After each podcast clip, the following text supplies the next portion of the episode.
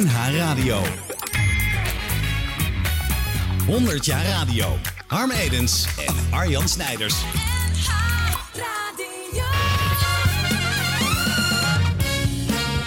Zet hem knoeper. In Holland staat een huis, ja ja.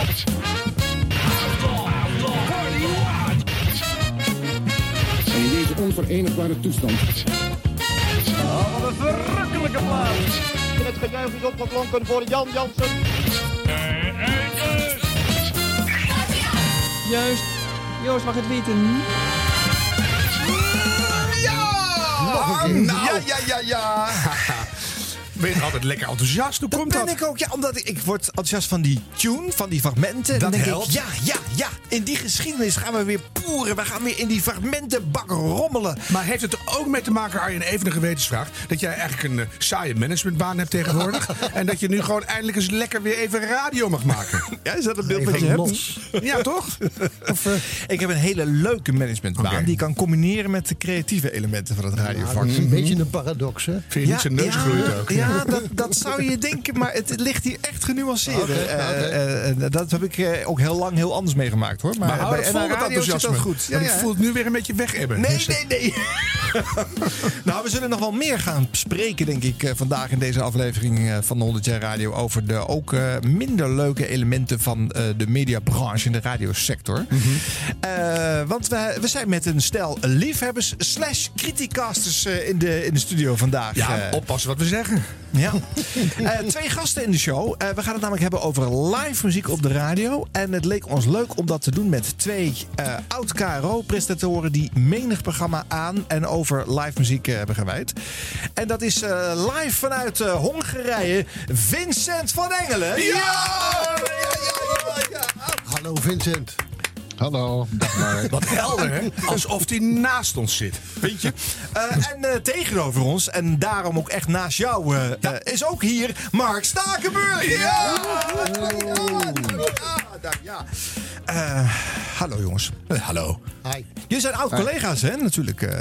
Lange, lange, lange tijd geweest, eh, inderdaad, Arjan. ja, We moeten nu even establishen voor de luisteraar wie welke stem is, hè? Ja. Dus dit was... Nou, Mark, Ja, zeg even je, je allerduidelijkste zin, Mark. eh, dit is Mark Stakenburg. Ja, en? Dit is Hongarije? Vincent van Engelen. Ja, zie je? Ja, Ja, ik hoor ja, ja. duidelijk een verschil. Ja. Anders wordt het zo verwarrend. hey Mark, Ja, ik kan ben een jij... stuk ouder dan hij. Maar dat, dat zie je niet. Zo te horen, Vincent. Oh, dankjewel. Zeg, zal ik ophangen? Dat is er juist niet waar, want bij radio vind ik dat stemmen eigenlijk nooit oud worden. Bijna nooit. En, nee, een beetje gaan dateren, maar... ja, die is een eh, octaafje lager gaan zitten. eh. Maar bij vrouwen is het ook alweer lastiger. Bij mannen, nou ja, de meeste niet. Echt niet. Nee, dat is waar. Nee, dat is Nee. waar. En dat vind ik ook een soort ik, hoopvol. Ik, ik trek het terug, Vincent, sorry. Kijk, maar- dat begint goed. Mark, kan jij Vincent in een paar zinnen eh, omschrijven? Wat voor een radioheld eh, is nou hij? ja, hij is mijn radiovader, punt. Eh, ik was fan van Vincent toen ik op de school van journalistiek zat. Ik ging Vincent interviewen voor de schoolkrant.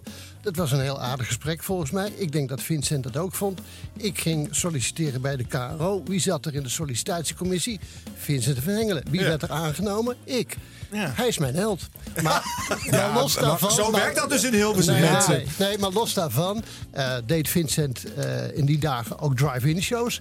En ik kan me ook herinneren dat hij bij mij in mijn geboorteplaats Oosterwijk kwam met de drive-in show. Oh. Ik zei tegen Vincent, mag ik een plaatje bij je aanvragen? Maar natuurlijk jongen, wil je me ook aankondigen? Nou, die gozer kon al niet meer stuk bij mij. En eh, dat is nog steeds zo. Nee. Ja, Eh, Vincent, zou wat jij... andersom ook maar even dan. Weet je allemaal niet meer, hè, Vincent? Nee.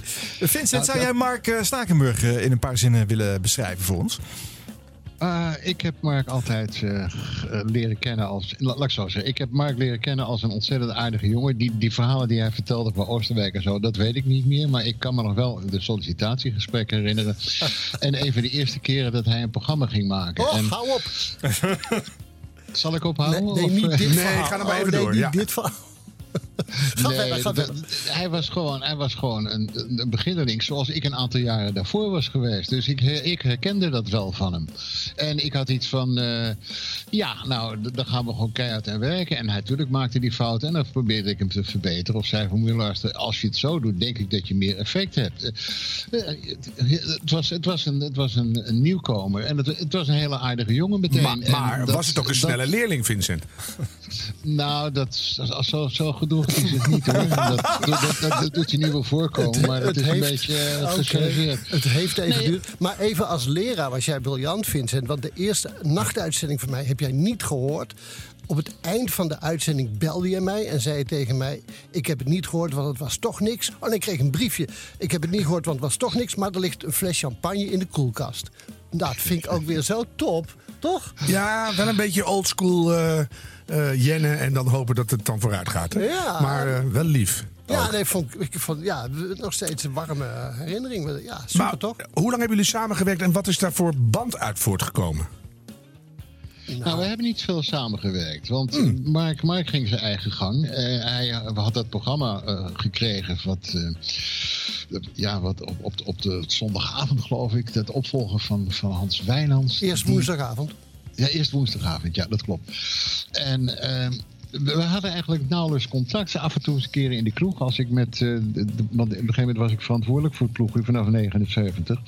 En toen had ik eh, de gewoonte om na afloop eh, woensdag om 6 uur in de lokale kroeg de eerste borrel weg te geven. Nou, dan komen ze wel. en dat was wel heel leuk, want dat scheelde weer een heleboel vergadertijd met allerlei figuren waar je toch eigenlijk niks aan hebt. Dus Ja, wel slim eigenlijk. Ja, Ja, En, maar je, hebt- eh, je, hebt- je hebt dus- mij gewoon altijd daar- lekker gestuurd, eh, Vincent. Dat, dat heb je echt wel goed gedaan, denk ik. Dankjewel. En, en behalve dat, nou kwam ik ook wel eens bij jou thuis, toch? En we gingen samen Ja. naar concertjes. En Ja. eh, en passant hadden we het over radio en hadden we het over muziek. Maar op een prettige manier stuurde jij mij bij, denk ik.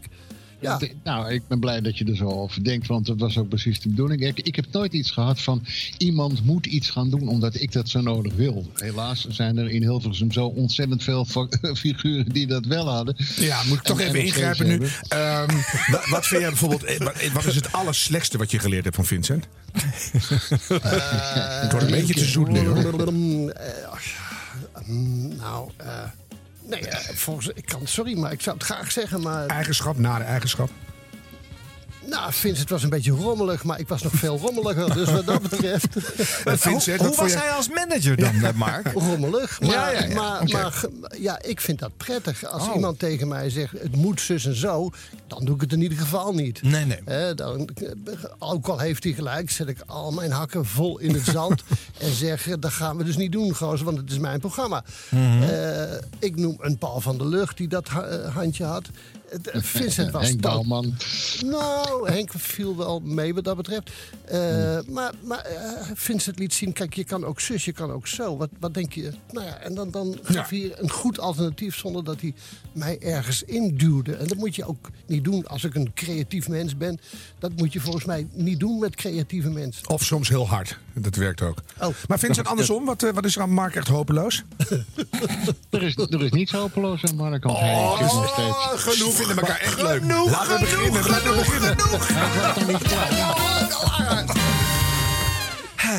Jongens, we gaan het hebben over live muziek op de radio. En ik ga even heel ver terug.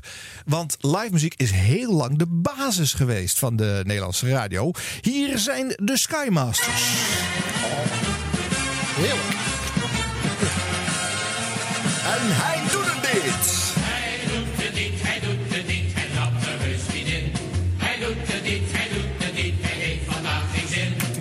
sta je ook te praten als een echte advocaat. Of bak je zoete broodjes, dat helpt je heus geen draad. Hij doet het niet, hij doet het niet, hij trapt er heus niet in. Hij doet het niet, hij doet het niet, hij heeft vandaag geen zin. Is het eh, beeld een beetje duidelijk zo? Ja. Of eh, ben je nog nieuwsgierig naar meer, Harm? Eigenlijk wel. een stukje nog dan. De leider van de dansband die speelde saxofoon. Toen hij een solo blazen moest, kwam er geen enkele toon. En hoe hij ook zijn best deed, de arme dirigent. Het wilde maar niet lukken en daarom zong de band. Hij doet het niet, hij doet het niet, hij trapt er heus niet in. Compleet is Ja, eigenlijk genoeg jammer, hoor, eh, Harm. Zo, eh, hè? Ja, compleet is eigenlijk jammer, want de- an- als Ja. je dat niet hebt, is het veel breder inzetbaar. Ja. Ja, dat hebben ze weer niet zo handig gedaan. Eh, de Skymasters, één van de vele omroeporkesten eigenlijk eh, die er waren. En eh, laten we ook niet vergeten dat de vooroorlogse radio werd met veel live muziek eh, vormgegeven. Ook noodgedwongen, want er kon gewoon geen muziek op een andere manier afgespeeld worden. Je kon geen plaat opzetten. Ja, wereldwijd. Dat was zeker ook zo in Amerika. En, Ja. Nou ja, in Engeland overal heel veel live muziek. Prachtig, ja. Waarmee het liedje ook belangrijker was dan de artiest. Want je, het liedje, daar ging het om. En dat kon je in tientallen uitvoeringen laten horen. Mhm. en de, de bladmuziek was waar het om ging. Hè. Je kocht het liedje eigenlijk voor thuis. En niet een uitvoering. eh, eh, dat, dat was het eh, uitgangspunt. Ja, bizar eigenlijk. Ja. Ja. En op een gegeven moment, ja, dan is de techniek er wel om ook een plaat versterkt te krijgen en te gaan laten horen. En dan wordt het uiteindelijk natuurlijk ook een goedkopere oplossing om muziek van een plaat te gaan draaien. Dan steeds dat maar live uitgevoerd te laten worden.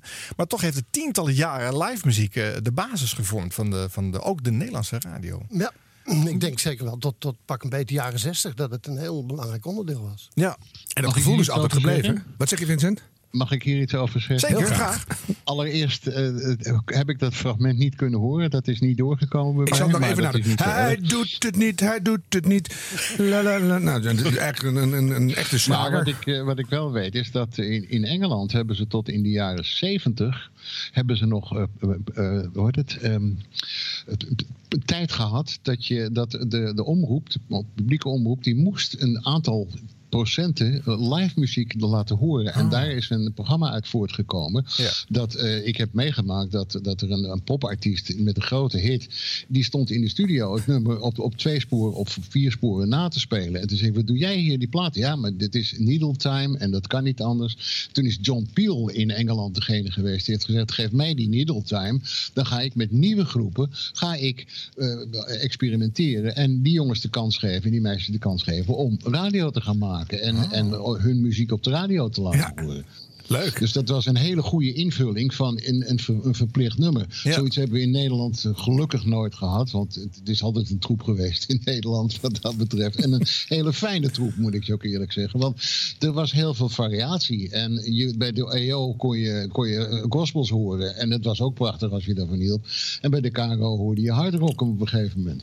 en bij mij is dat gekomen door eh, Michiel Ruiter. Die ik, eh, daar was ik altijd al een hele grote fan van in de jaren zestig. En ik heb hem één keer ontmoet in, eh, in Halfweg, waar ik woonde, Zwanenburg.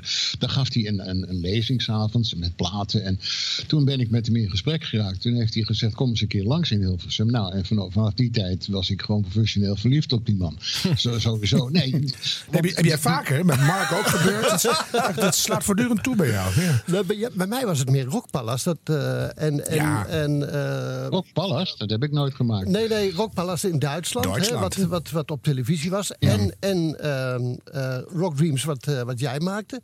Ja. Eh, Rock, dat was voordat ik bij de radio ging werken. En ja, beide hadden iets magisch.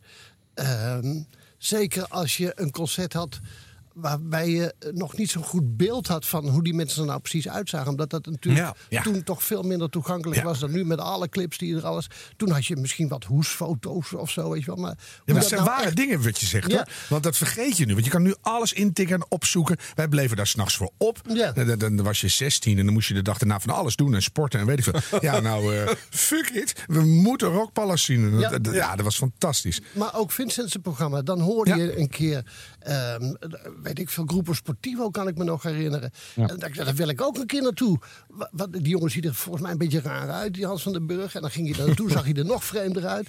Eh, dat mag ik zeggen, want ik vind Hans van den Burg een buitengewoon aardige en goede gozer. Eh, dus dan ging het, dat had een heel andere dimensie dan...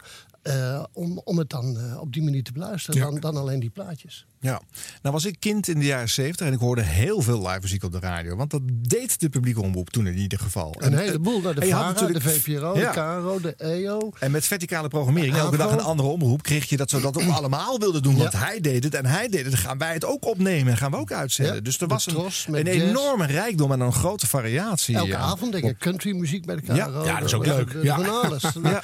Ja, ik vond het allemaal even mooi eigenlijk. Ja. Ja. Want je En- hoorde nog eens wat. Nou, er is wel even. Ik heb eh, jaren gewerkt met Jan Steeman eh, bij de Avro. En die zei tegen mij: live muziek op de radio, dat slaat nergens op. Ja, de plaat is ja. veel beter. Dus waarom zou je een Onzin. live opname laten? Die Absolute onzin. Ja, Ik, Vincent ik, ik, vind het, ik vind het gewoon onzin, als Ja? ik dat mag zeggen. Ja, graag. Ja, kijk, kijk, een, een plaat, die, die, een plaat die wordt op 24, 32, 36, weet ik hoeveel sporen zijn die gemaakt. Er is urenlang, ja, dagenlang aan gewerkt. Mhm. Dat is helemaal tot in de puntjes is dat geknipt en geplakt. Nou, oké, daar is dan een, een verhaal. Live, als je die mannen op. eh, ik, heb, ik heb dus heel vaak achter stage gestaan, naast de stage gestaan. En dan zie je ze naar elkaar kijken van: ga jij, ga ik? Dat, dat is een, een spanning die je op een gegeven moment ook hoort. En die is dan niet meer in een plaat. Nou, heel het- vervelend. Het was zelfs zo extreem dat voor het, toen de CD net geïntroduceerd was en ik weer eens in het concertgebouw zag, zat, dat ik me helemaal gek schro- schrok dat die zangers echt ademhalen. Allemaal Oh, weggemonteerd. uitgeknipt is, ja. eh, erbarmelijk. En dan denk je, oh, ja, dat eh, CD is Ja. alles perfect. Ja. Dus, eh, en ik vind het veel mooi dat het leeft en dat het, eh, ja, mooi, live is prachtig. Maar eigenlijk zeg je ermee, Vincent, de, de, de, de interactie, het spel tussen de muzikanten maakt het eh, interessant om naar live muziek te luisteren. Onder andere. Dat is, onder dat, andere. dat is één, ja, Ja. dat ben ik met je eens. Eh, eh, ze, ze letten op, de, op het muziek maken en veel minder op hoe er, er gedaan wordt. Nou, er zijn uitzonderingen. Bijvoorbeeld eh, iemand als, als Freddie Mercury, die was zo absoluut de baas van alles. Die, die, die leefde alleen maar op, op het toneel eigenlijk. En dat was, ja, die maakte ook wel fouten, maar die wist hij ook meteen weer te verbergen. Dat was heel erg knap van die man. Maar hoe moet ik het zeggen? Eh, de, de, de spanning die er live was, die is nooit op een plaat te. eh, Op, eh, Nou, er zit ook een ontwikkeling in. In een live concert, in een goed live concert zit een Ja. ontwikkeling. Daar hoor je dat het wat aarzelend begint. Mensen moeten een beetje wakker worden. Het publiek moet een beetje wakker worden. Er is wat heen en weer geapplaudisseerd. En als het een goed concert is, dan gaat het leven. Dan krijg je die echte interactie tussen het publiek en, en, en band. En gaan ze elkaar opzwepen. En, je, gaandeweg die- het dan zie je, dan zie je die muzikanten ook elkaar, wat Mark zegt, opzwepen. En da- dan proberen ze allerlei dingen uit, ook voor het publiek. En als het publiek erop reageert, dan gaan ze nog verder. En dat is, ja, dat, dat is, vind ik magie hoor. Maar dat is ook de basis van muziek maken. De basis van Exact. muziek maken is niet een plaat maken, zoals vaak het misverstand is. De basis van muziek maken is met z'n allen voor een zaal staan en daar tekeer gaan. En kijken wat je met je publiek kan doen. En eh, die interactie, dat is muziek maken. Proberen te improviseren, op elkaar reageren. Eh, daar gaat het om. Een plaatje is daar een afgeleide van. Ja. En niet Het andersom. voor Want heel eh, veel mensen hoor ik vaak eh, zeggen tijdens een concert: het is net zo goed als op de plaat. Dat is een misverstand. Het is een zwaar misverstand. Het is juist andersom. Luister nou gewoon naar eh, als je live. Dus het is niet voor niks dat na een verloop van tijd, na, na een drie, twee of drie platen, komt er altijd, of, of kwam er altijd een live concert of een live plaat met of met één fantastisch concert of met dingen uit verschillende concerten aan elkaar geplakt. Maar dan hoorde je pas dat er interactie was en dat er ook hele andere dingen gebeurden dan op die studioplaat. Die, die werd steeds doodser, naar mijn idee. Ja, en je hoorde waar. ook wat, wat de goede artiesten waren en welke toch niet zo heel denderend waren. Exact. Hè, want Paul Simon en en Garfunkel in eh, Central Park, dat hij daar zo even eh, Emily, Whenever I May Find You, bam, zo goed gezongen dat je eigenlijk denkt dat het een studio-opname is. Ja. Ik heb ze live gezien in het concertgebouw. Toen zat ik achter ze. Ja. Eh, op de plek van waar de muzikanten zitten. Daar hadden ze ook gewoon uitgebouwd. Ja. En toen, ik had heel dicht erbovenop op die, op die twee. En die waren zo op elkaar ingespeeld. En er was ook een pianist bij. Zijn naam ben ik helaas vergeten. Met het Bridge over Troubled Water. Nou, de, de zaal, ze braken de zaal af. Ja. En het was werkelijk, ik, je kreeg er ook echt kippenvel van. Want Ja. die muzikanten die waren zo ontzettend goed op dat moment. Maar, van de andere kant, Vincent, het is ook zo dat wij wel eens bij de neus zijn genomen. eh, met, eh, met live concerten. Nou, af en toe kwam er toch wel heel veel uit een doosje. Ik kan me een concert herinneren uit de jaren tachtig. Eh, laten we geen namen noemen, maar het was Jawel, Moby. jawel, jawel, maar- Jawel. maar het was Moby, zeg ik ook. en die Moby die was aan het zingen en die zat als een waanzinnige op toetsen te rammen. Ja. Wij waren dat concert aan het opnemen en zagen dat er uit dat eh toetsinstrument van hem totaal niets kwam. Nee. Dat kwam totaal uit het doosje. Ja, ja, ja. Eh, David Bowie, ook geen kleine jongen, Mhm. speelde in Paradiso, hebben wij ook opgenomen. En pakte daar de 12-snarige gitaar. Wij dachten, zo is dit één gitaar. Nou, hij speelde een beetje mee. Maar dat was een heel breed gitaargeluid. Oh. Kwam uit een doosje. The Last Waltz, de film van de band. Een fantastische band. Een van mijn absolute favoriete bands. Maar dat live concert is ongeveer voor 90% opnieuw ingespeeld. Oh, en dat wordt het beste live concert ja. ooit genoemd. Ja, eh, Is- door menig Dat muziekliefhebber. heeft anderhalf jaar geduurd voordat de film uitkwam. En dat was Ja. niet zonder reden. Omdat Ja. er toen een... Nou, 90% weet ik niet. Maar er is heel veel ingedubt in dat concert. Gebeurde ook, gebeurde ook. Het gaat steeds verder. Ik ben ooit gevraagd voor een live rol in de musical ABBA. En toen zei ik, nou, ah, zing ik niet zo geweldig. Oh, wacht Ja, even. ze- Even processen deze, Ja, deze informatie. Beeldjes in. Ja. En dat is ook allemaal live natuurlijk. En dan moet je dat acht keer in de week uitvoeren. Weet je het zeker, grote producent? Zei hij, ja, maar dat maakt helemaal niet uit. Want achter de schermen zingen er twee professionals met je mee. En de computer morft dat gewoon de microfoon uit. Dus dan klink je altijd loepje zuiver. En toen heb ik het toch niet gedaan. Goed, hè? maar dus, ja. Het gebeurt wel, Vincent. Maar Mhm. eh, ach, eh, ja, dat Maar mannen, even de discussie terug naar het eh, hoofdonderwerp van deze Ja. reeks, de radio. Eh, wat moeten wij nou met die live muziek op de radio? Want is het niet een verdieping van een bepaalde muzikant waar jij eh, eh, je dan eventjes eh, wat meer in eh, nou ja, letterlijk wil verdiepen? Maar moeten wij daar het brede publiek mee lastigvallen? Waarom niet? Eh hoezo? Dat, dat gebeurt toch al een kleine eeuw? Eh, waarom? Sterker Ja, nog, zullen het is... die 100 jaar radio gewoon maar weggooien dan? Wat is dat nou voor onzin? Dat is toch geen, dat is toch geen tekst die je dan maakt? Het, het, het publiek, het publiek wil zijn. dat ook. En, die, wil- die- die- en als ze het niet willen, dan donderen ze toch op. Dan gaan ze toch ergens naar een of ander flutzendertje zitten luisteren. Wat maakt het nou uit? Sorry, zeker alle ochtendshows nu. Hè, en de ochtend is tegenwoordig het belangrijkste moment van radio. We hebben allemaal live muziek in de studio. Dat komt ergens vandaan. Dat mensen dat toch ook wel heel erg kunnen waarderen. Het is wel een manier om ehm, je als radio extra te profileren. Dat jij toch zomaar Pietje Puk in je studiootje hebt. Eh, hè, dat, dus maar het is toch helemaal niet weg. Dat, En, da- en dat is het gekke. S'morgens vroeg, als ik al naar een ochtendshow eh, in dat genre luister, vind ik dat heel weinig meerwaarde hebben. Dat wordt altijd een beetje klungelig. Dan gaan ze in die studio rammen en poing, poing. En dan begint het. En dan denk ik, nou, gedoe. En dan zijn ze allemaal niet wakker. En, weet je, een beetje die kater eraan te uithijgen uit mijn Ja, autoradio. ja, ja. Maar s'avonds mis ik heel erg die, die specifieke mooie programmering. Dat de moeite genomen is om naar een artiest die ik mooi vind toe te gaan. Om het op te nemen, om het te duiden. Ja, je. weg Dat mis ik echt heel erg. Ja, dus dat is niet hetzelfde. Ben ik helemaal met je het mag veel meer. Ja. Dus Even een vraagje, Harm. Hoe oud ben jij? wat denk je? Nou, zo te horen eh, ben je, loop je al aardig in de tachtig. Want dit- dit- dit- dit zit gevaarlijk in de buurt, ja. Die is er niet meer. Nee, daarom. Dat is- ja, dat is- nee, dat ik ben is heel- 58. Dus eh, ik heb zeg maar nou. de hele ontwikkeling meegemaakt. Ja, nou, dus, dan schelen we zo'n tien jaar. En dat is Ben je ja, 48? Dan ben- was je er vroeg bij. zeg. 47. Ja, maar dat, ik mis dat wel hoor. Want dat, dat is zo'n cadeautje vroeger op je tienerkamer. Of later nog toen je studeerde. En dan dacht je, oh, een special over Loudon Wainwright. Of eh, ineens van die dingen. Dat je, dat, ben je, eh, Ma- eh, George Michael eh, in een heel andere setting. Oh, weet je, dan word je heel blij. Maar, maar ook eh, eh, twee of drie onbekende bands die, die eh, acht nummers achter elkaar mochten doorjengelen. En, en jij geen andere zender om uit te kiezen. Ook Ja, dat. dat vind ik ook. eh, Op een gegeven moment was dat, eh, vond ik dat jammer. Dat, dat eh, zoiets als, als Pinkpop of Lowlands. Eh, daar zonden wij vroeger, zei de oude man, eh, zomaar drie kwartier, een uur van uit. Ja. Op een gegeven moment mocht dat niet meer. Nee, het moesten nog maar vier of vijf liedjes worden. Nee, het mochten er nog maar twee of drie zijn. Ja. Nee, het mag er nog maar eentje zijn. Dat vond ik zo armzalig. Dan ga je dus met je hele hebben nou naar Lowlands of weet ik wat waar naartoe.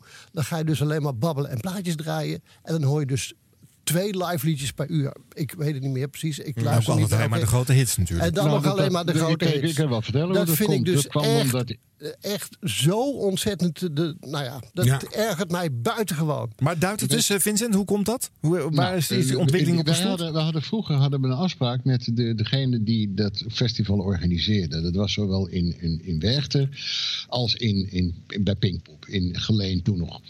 Nou, eh, daar eh, hadden we een deal. Daar, eh, in die, eh, van tevoren spraken we af met managers eh, welke groepen we mochten opnemen. We mochten vaak niet alles opnemen, maar meestal we- wel. Zeker als het een groot radiostation was en een grotere luisterdichtheid had. En dan mochten wij zelf, bij hoge uitzondering, eh, ben ik wel eens een paar keer naar Engeland geweest om daar te mixen. Maar je mocht het hele concert hebben. En je kon zelf kiezen wat je eruit wilde Ja, Mhm. uitzenden. Is het helemaal ja. uit wilde zenden. Dan kon dat, dan wilde je drie nummers. Als het toch niet zo. Soms werd er wel eens gezegd van ja, kunnen we niet. Hè? Nou, oké, dan maakte hij een deal. Maar dan was je toch, toch altijd wel een half uur of zo minimaal wat je uitzond. En het was aan de radiomaker om dat te, te, te, te regelen. En de manager die hield zich eh, vrij eh, eh, rustig, want ja, er werd, werd veel opgenomen. En de platenmaatschappijen en allerlei andere lieden die zich daar tegenwoordig mee bemoeien, die hadden lang niet zoveel macht. Er zat lang niet zoveel geld erachter als, als tegenwoordig. Ja, de belangen zijn nu zo groot dat die ook moeilijker en moeilijker en moeilijker zijn gaan doen. Nou, maar dan de, nog, echtheid, de echtheid raakt toch ook weg? Stel je voor dat je een topartiest die je opneemt een, echt een mindere dag heeft. En dat, dat materiaal heb je.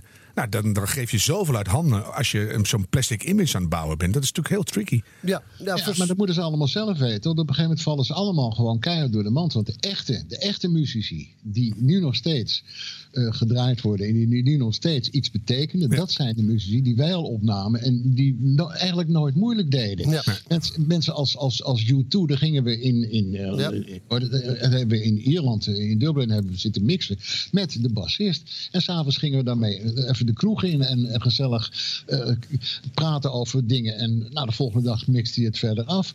En dat was van eh, veel plezier ermee, jongens. En dat kostte 500 gulden, ik zweer het. ja, ja, ja, ja, ja, ja. Ik heb er Die dan vaak wel in de zakken van de manager verdween. Zonder Ja. dat de artiest er ook mee in de gaten had dat die was opgenomen. Ook die verhalen waren. Ah, dat is Ja, toch niet dat erg. Die hadden weet toch geld zat, dus dat geeft niet. Terug in de tijd. Maar dan verder. Van waar het begon tot nu. Dit is 100 jaar radio. Met Harm Edens en Arjan Snijders. Jongens, we gaan even wat fragmentjes eh, luisteren. En dan komen we vanzelf over allerlei eh, subonderwerpen die hier allemaal mee te maken hebben. We gaan even naar de start van Hilversum 3. Dat is 1965. Geluid van de Maskers. Die worden live opgenomen bij de VARA op 3. In eh, dezelfde studio waar later de VARA popkrantgroepen werden opgenomen. En dat klonk zo.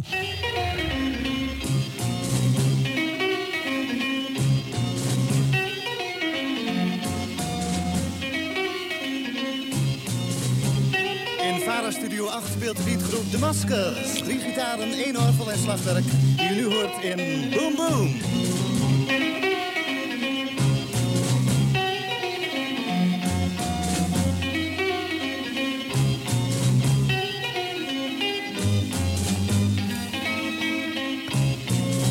Boom, boom, boom, boom. Shoot you right down. Take you in my.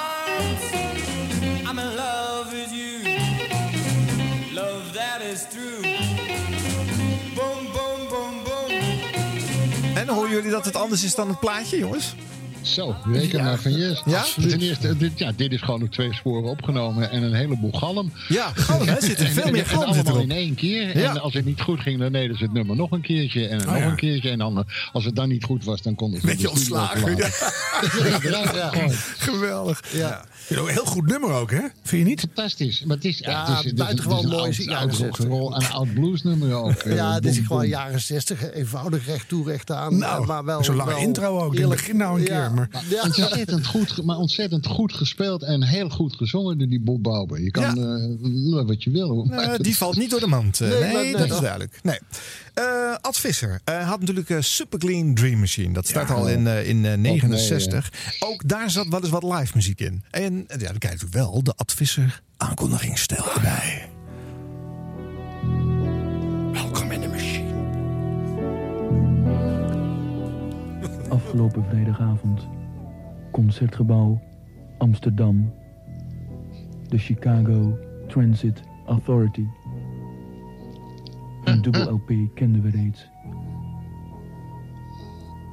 I'm a Man. Chicago Transit Authority. Dan gaat eens een eh, jingle crossen met het eh, live Ja, geluid. ja, ja.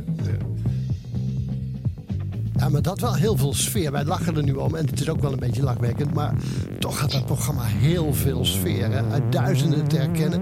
Het is niet mijn steltje, het is ook niet mijn muziek die hij eh, draaide dat ik nou echt leuk vond. Maar ja, wel sfeer.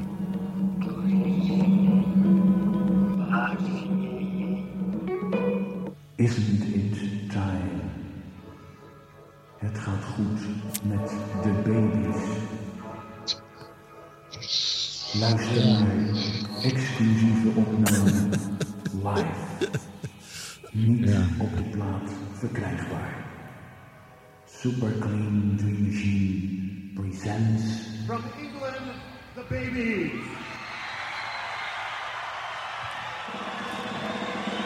Exclusief, niet op plaat verkrijgbaar. Hè? Een extra meerwaarde dus. eh. De baby's, mensen. Nou ja, en dan komt er een heel concert natuurlijk, hè? Ja, dat was niet zo spannend meer, want het was een live opname. Ja. Dus dat is al live, maar je wist al, toch al waar het begon Ja, en maar waar we het moeten even het onderscheid maken live als in eh, het gebeurt op dit moment. Ja. eh, eh, versus het is opgenomen in front of an audience. Ja. ja, maar je weet nu al dat de, de zanger niet halverwege overleed. bijvoorbeeld. Als je het live in de studio, dat is het mooiste. Ja. Dat je het gewoon echt het, as, we, as we record, Ja. zeg maar. Ja, maar goed, de radio is ook een, een medium waarop je een eh, opname kan laten horen. omdat je nou eenmaal geen uitzending had op het eh, moment van eh, het concert, bijvoorbeeld. Of omdat het niet live live mocht, maar dat je het wel mocht opnemen. en dan een week later mag uitzenden. Ja. Ja, dat, dat, vind ik, dat maakt mij niet zoveel uit of het dan op het moment zelf gebeurt. eh. Nou, ik kan me wel herinneren dat ik vroeger ook wel echt grote concerten, zou ik maar zeggen, als een soort sportverslaggever naartoe ging. Ja. Eh, Bruce Springsteen in Stockholm of eh U2 in Dublin. En dat ging ik dan aankondigen. En dan ging dat op dat moment gebeuren. Mhm. En eh, dat is natuurlijk wel helemaal te gek. Want dan kun je echt ook spanning maken. Hè, van het licht gaat uit, eh, de mensen worden gek. Eh, is de band er al? Nou ja, Ja. En als het een nog niet waar, moet, moest je heel lang overbruggen. ja, en dan, ja, ja, ja. en dan was dan ook eh, bijvoorbeeld met Bruce Springsteen in Stockholm, kan ik me heel goed herinneren. Daar zaten allerlei collega's uit Spanje, Italië, weet ik veel wie. En ik, ik mag daar ook eh, zijn. En die jongen uit Spanje had een ongelofelijke babbel na elk nummer van Springsteen. Ba, ba, ba. Dan praatte die helemaal vol. Ja. En dan begon Springsteen weer. En ik zat echt vanuit te kijken, wat, wat doe jij nou joh? Dan was het liedje weer afgelopen. Dus hij, alles ging hij aan en afkondigen. Wat naar mijn gevoel totaal de sfeer doorbrak. Ja. maar vooruit. En dan ook ja, tot, tot de zang, weet je wel. Dus, Ja. dus de intro was hij, Hij ook kende de nummers dus wel. Hij Of kende hij de hoorde het gewoon wel. aankomen, maar- Maar zo'n andere manier weer van een live eh, concert. Terwijl ik netjes mijn, mijn mond hield. Hè, was, was het concert helemaal afgelopen. Iedereen is een beetje uitgeproduceerd. Ja. Ruim de kans geven. Had ik zo van Vincent geleerd. En dan, eh, En dat, en dan dat ging heb je ook heel Ja. goed gedaan. En dan is, En niets dan vervelender dan iemand die door concerten heen zit te Oh, ja. praten. Nee, daar je zoals gek van. Vreselijk. Dat is vreselijk. Want een concert, kijk, die artiesten die zitten daar, die, die, die proberen een eenheid te maken. In ieder geval, dat, meestal lukt ze dat wel. En die- dat is, die proberen een sfeer te bouwen. En dan moet je niet met je, Nee, met je platte Hollandse Nee, dan echt poten doorheen gaan lopen banjeren van... Ja, maar ik ben er ook nog hoor als presentator. En dat had ik een beetje op, op, op eh, die jongen van Visser tegen. Mhm. Die trok het allemaal zo naar zich toe, die aandacht. En eh, kijk maar eens geweldig zijn en dit en dat. En nou, ja, houd toch op joh. Ja, Je zegt, je moet een bescheiden rol spelen, zeg je eigenlijk. eh. Nou je de- moet, het gaat om de je moet muziek. bescheiden zijn. Ja. Je moet bescheiden op de achtergrond. Jij bent degene die het, de, eh, de dingen die de mensen niet kunnen zien, Mhm. en, maar wel kunnen horen, die, die, die, wat je hoort, die, die hoef je niet te vertalen. Maar Nee, die dingen die, die je niet kan zien, die moet, je even, die moet je even vertellen. Maar je moet heel veel afstand nemen. Althans, dat is mijn idee. Nee, Ja. maar bij het verslag van een live concert ben ik het met je eens. Maar bij de Ad Visser vond ik toch wel ook wat... eh Mark zei, er had wel een aparte sfeer ook door, door zijn aanwezigheid. Dus dan, het is als je een beetje gecomprimeerd ook, eh, dus gemonteerd Dat, dat vind ik wel oké. Dus Ja. eh, dat mag Ja, van het mij. vervelende is, ik zie hem af en toe nog wel eens op televisie en dan is hij er nog steeds niet kwijt. Ik ben, ik ben benieuwd hoe- of, of, of ik daar nu naar een pop zit te kijken die met een motortje wordt gevoerd, of dat hij nou echt is. Ik heb, Hij is al 40 jaar dood, maar dat weet niemand. Dus, eh, nee. hij praat wel een stukje energieker Dat, op de als, dat eh, nou ja. zou zijn, zou ik het fantastisch Oh, vinden. ja, ja, ja. Het is een ontzettend leuke man als je hem tegenkomt. Hij is We, kwamen hierop, we, kwamen door jou. Want jij zei hè, het Ik. moment zelf. Mhm. eh, en dat gaf ik even aan. En dat is dan wel zo. Dat als je dat moment zelf hebt. Hè, op dat moment begint zo'n groot concert. Waar heel Europa ook naar luistert. Ja. En daar gaan we met z'n allen naar luisteren. Dat is iets extra's. extra's. Ja. Dat is Ja, zeker dat is wel waar. waar. Maar, hoe is was jij in die jaren? Want er zit nu een, een, een man van een zekere leeftijd naast mij. Met een, 62. Met, jawel, maar bedoel, je, je, je ziet er niet stokoud uit, maar je hebt, je hebt toch wat jaren achter je. En je hebt een eh, intellectueel brilletje. En je hebt een hele rustige uitstraling. En dan sta je in Dublin bij U2. Hoe ging dat dan? Zou je dan echt eh, trillend van, van de Nee, adrenaline dat op en nou neer te jumpen? Of? Nee, eh, het is wel heel gek. Ik stond een keer achter bij The Cure bij een concert in Nou eh, de Brabanthal. En toen kwamen zij net van het podium af. Het was geloof ik het eerste live concert dat ik ooit deed. En toen was ik wel helemaal hyper. Ik denk, wow, daar komen ze van het podium. Hoe was het meneer op het podium? Maar, maar, maar. Ik begin te praten. Dat was een heel effectief stukje radio. Want daar ben ik nog heel vaak aan herinnerd. Heel vreemd. Dat heel veel mensen tegen mij zeggen, waarschijnlijk op een bandje opgenomen of zoiets, weet je wel. En zeggen, ja, toen was jij bij de Cure in Den Bosch. En toen vroeg je aan die zanger. En die kon het ook nog helemaal mee vertellen. Ja, dat was ook wel heel groot, de Cure. Was toen wel heel- was, ja, Ja. en toen was ik wel heel hyper. Maar ja, als je het een paar keer gedaan, dan, dan probeer je meer de sfeer van het concert. En wat Vincent zegt, ben ik het helemaal mee eens. Dat die concerten het belangrijkste zijn. En de muziek en die artiest. En dat jij een dienende rol daarin hebt. Ik hoef daar niet mijn show van te maken. Nee. Nee. precies. Maar het is ook een beetje Slans wijslands eer, denk ik. Hè? Want als je de Spaanse voetbalcommentatoren, Ja. eh, die, die, die lullen ook door Ja, de herhaling precies. en door de, de, de, de- die, die kletsen aan door. Ja, dus ja, precies. ho- hoort er misschien een beetje bij. Ja, denk het. Ja. Ja, en door, door eh, eh, plaatjes, eh, liedjes van een grammofoonplaat kletsen ze überhaupt gewoon door de hele track daar. Dus dat, eh, ja, dat is gewoon eh, cultuur. eh, En waarschijnlijk in Finland zeggen ze alleen bij het begin, nou het begint. En dan, en dan, en dan niks meer. Dus Ja, het heeft met cultuur te maken, Denk ik. zeker. Ja. Ja, ja, dat is wel waar. Ik maak even een kort sprongetje naar de opmerking die jij zojuist maakte, Mark. Over jouw enthousiasme bij de Cure. Ja, ik zie hem al ja, staan. je ziet ja. hem al staan, hè? Ja, we gaan hem even luisteren, hoor. Oh my, oh nee. eh. Ach jee, dat heb ik lang niet meer gehoord. Maar... Ik sta aan de trap van het podium in de Melkweg. Overigens kan ik je vertellen dat de Cure een live LP van Planet Dit is eh, Vincent. Ja, dit is Vincent. En, eh, vandaag heeft de manager tegen me gezegd, die opname die jullie als KRO in de Melkweg gemaakt hebben, daar zijn we zeer in geïnteresseerd om het misschien als een soort ja, eh, klein singeltje erbij te doen voor niks. Wie weet, dat hoor je binnenkort. Te beginnen weer, Vincent. Ik hou mijn mond verder dicht.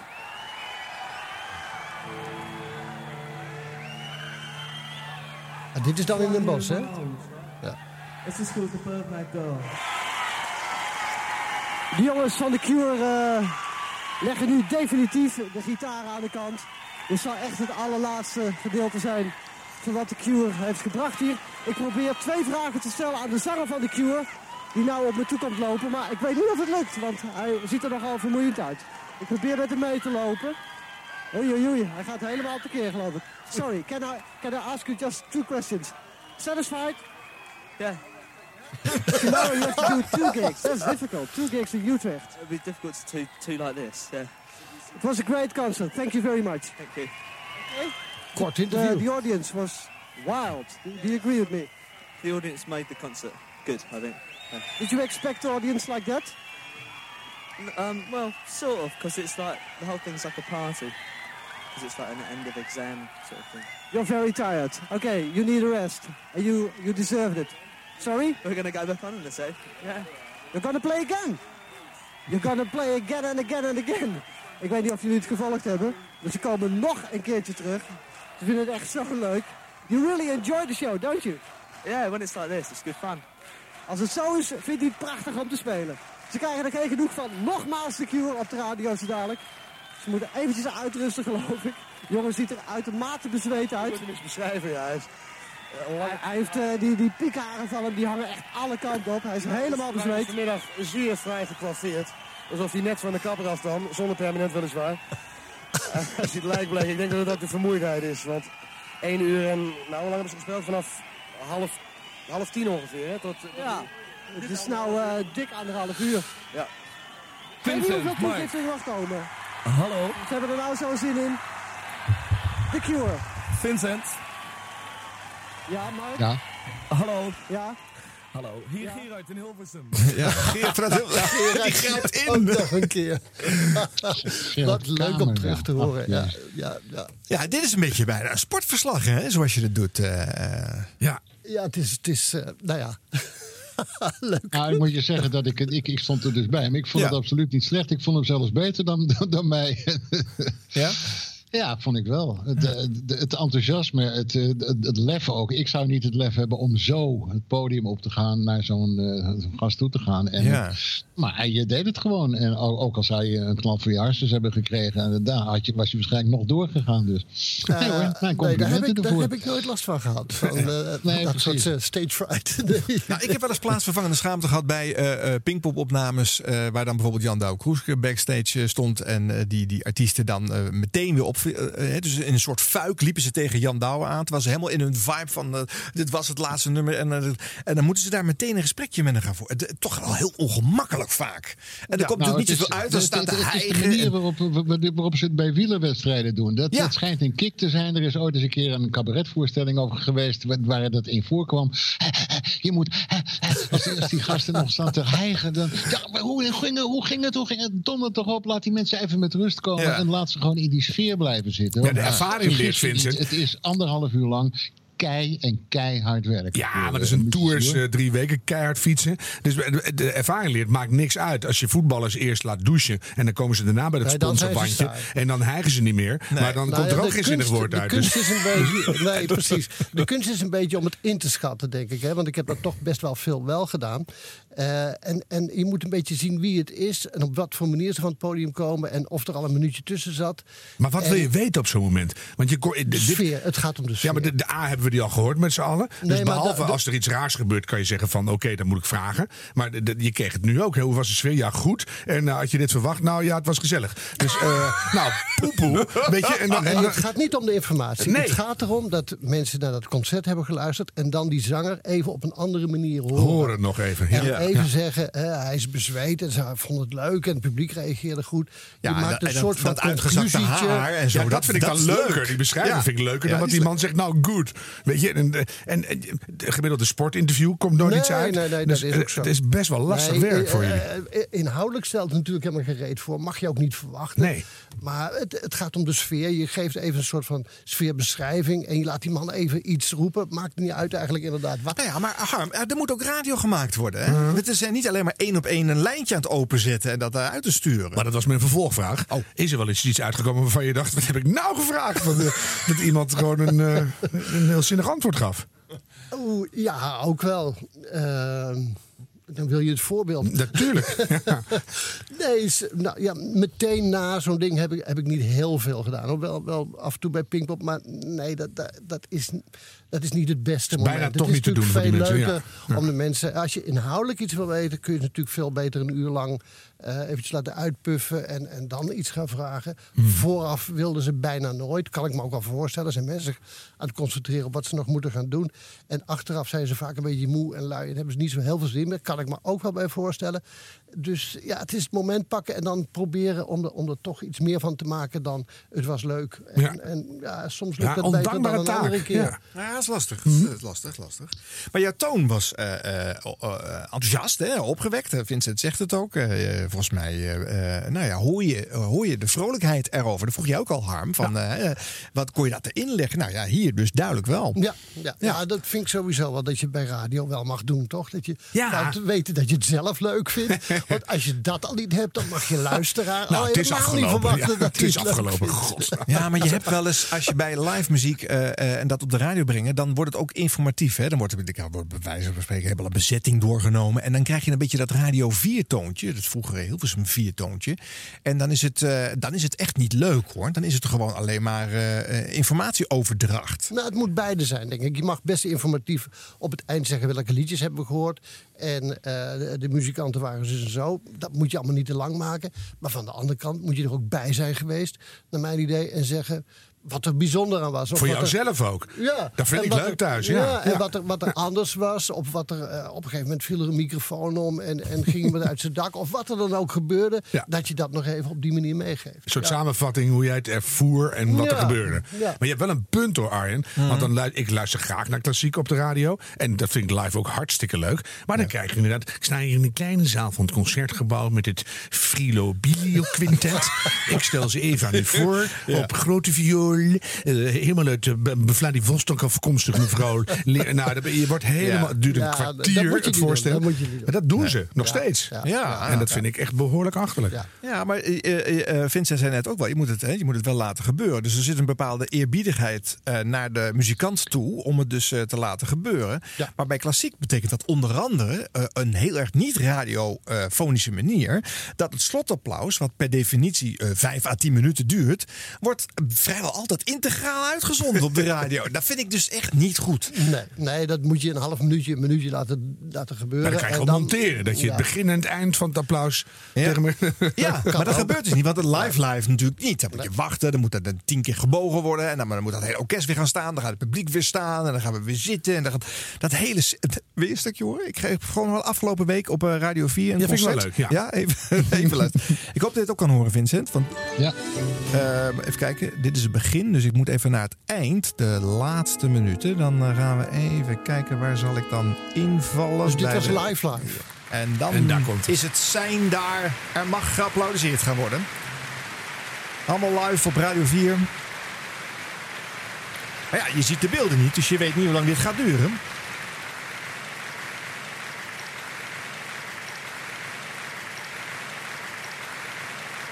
Nou, dan zou ik nou nu ongeveer wel denken... u heeft geluisterd naar het eh Philharmonisch. Ja, nu kun je gewoon De mevrouw dirigent eh, was Vladivostok, kan je nu een voorstellen. fantastische solo door... eh, Maar het is net als tussen de stukken in bij klassieker mag je ook al een hele Nee. waai maken. En dan hoor je dat gekuch. En dan valt er weer zo'n doosje pottertjes. en het, het is allemaal... Oh, jongen, jongen. ja, dat Ja. is nog te heilig. Daar moet, daar moet de bezem doorheen. Ja, Ja. Een reclameblok erin. dat, ja. Hoppakee. Even de sponsoren doorakkeren. Het loopt nog door, hè? Wel een mooi applaus, hoor. Daar kan je niks van zeggen. L'Ascension van Olivier Ah, Messiaen. valt nog mee, valt nog mee. orkestwerk L'Ascension. Ja. over de hemelvaart. Een compositie voor orkest. Uitgevoerd door het Radio Philharmonisch Orkest. Vandaag onder leiding van David Robertson. Eerste viool. Ja. Die verschillende leden van het orkest bedankt. Ja. Ja, ja. Dat gebeurt nu, denk ik. En dan natuurlijk Arthur Klaasens, die altobo speelde. En ook Hans Wolters, die de prachtige fagotsolo speelde. Ben ik toch benieuwd waar die wonen, hè? Dat zegt hij dan net niet. Jammer. En dat stuk werd dus vooraf gegaan door drie delen uit de Vespers van Sergei Rachmaninov. Maar goed, jongens. Het is een Ja, maar different is toch- ballgame. maar even serieus. Is dit nu eh, lekker radio? Nee, de- die klassieke muziek wel. En dan heb je er enorm van genoten. Ik doe dat wel eens thuis. En dan krijg je weer zo'n antiseptisch doekje na afloop in je smoel geduwd. Toch? Het is een de- weg is de sfeer weer. Ja. Ja. Ga, je maar, ga je de vaatwasser maar weer uitruimen. En dan denk je, ja, nou, het is weer klaar. Ja. Ja, maar hoe moet het dan? Hè? Radio 4 is de zender waar nu de meeste live muziek, live opnames eh, worden uitgezonden. Eigenlijk wat stations. Mark net zei. Dat als, als zo'n Pieper de Clown, als hij daar gezeten is, van... Jongen, jongen, wat een geweldige uitvoering. Met name door de warmte in deel 3. Of wat, wat was het prachtig. Of die je vraagt nog iemand op rij Pak 2. iets uit, Hoe vond u het? Ja, iets Ja. dat je denkt, oh, daar ben ik er nog iets meer bij. Ja. Dat vind ik Nou, het mag ik eh, één ding daarover vertellen? Ik heb Ja. dat wel eens een keer gedaan. eh, in, in, in een zaal in, ik weet niet meer precies waar het was. Toen ik voor Max werkte. Ja. En eh, dat, dat werd heel erg gewaardeerd door Oh. eh, mensen van. Ja, eh, Ja. mensen vonden dat leuk. Daar stond een mevrouw naast. Oh, dat was prachtig. En ik vond dit zo mooi. En ik vond dat zo mooi. En dat. Nou. Maar op een gegeven moment werd er dus door de Radio 4 eh hoofdclub Oh, ja, van, van de, de NTR. Ze weer. Ja. Niet, niet, niet tegen roepen. Of ik kan nog ergere dingen bedenken. Maar het is een vreselijke organisatie. En daar, die, die, wat was je aan het doen? Ik zei, nou, ik probeerde gewoon een beetje sfeer te maken als jullie het niet erg vonden. Maar als je dat niet wil, prima, doe ik het niet meer hoor. Donder toch op je. Dan stel het je amateurs die, die gewoon absoluut uit de. Ja. Oh, maar dat is toch, wat word ontzettend Ja, natuurlijk, ik hoor het. En terecht. Maar het is toch een hartstikke goed idee? Dat, dat- ja. Ik heb het gewoon gedaan. Bij, bij, bij Max zelf vonden ze het eh, goed. Eh, de, de, de, hey, wat leuk. Eh, goh, ik zei, wat leuk. Het is normaal dat je met, met, met mensen in het publiek... van hoe vond u het? Terwijl het applaus op de achtergrond... nou, fantastisch meneer, want ik vond dat mooi en ik vond dat...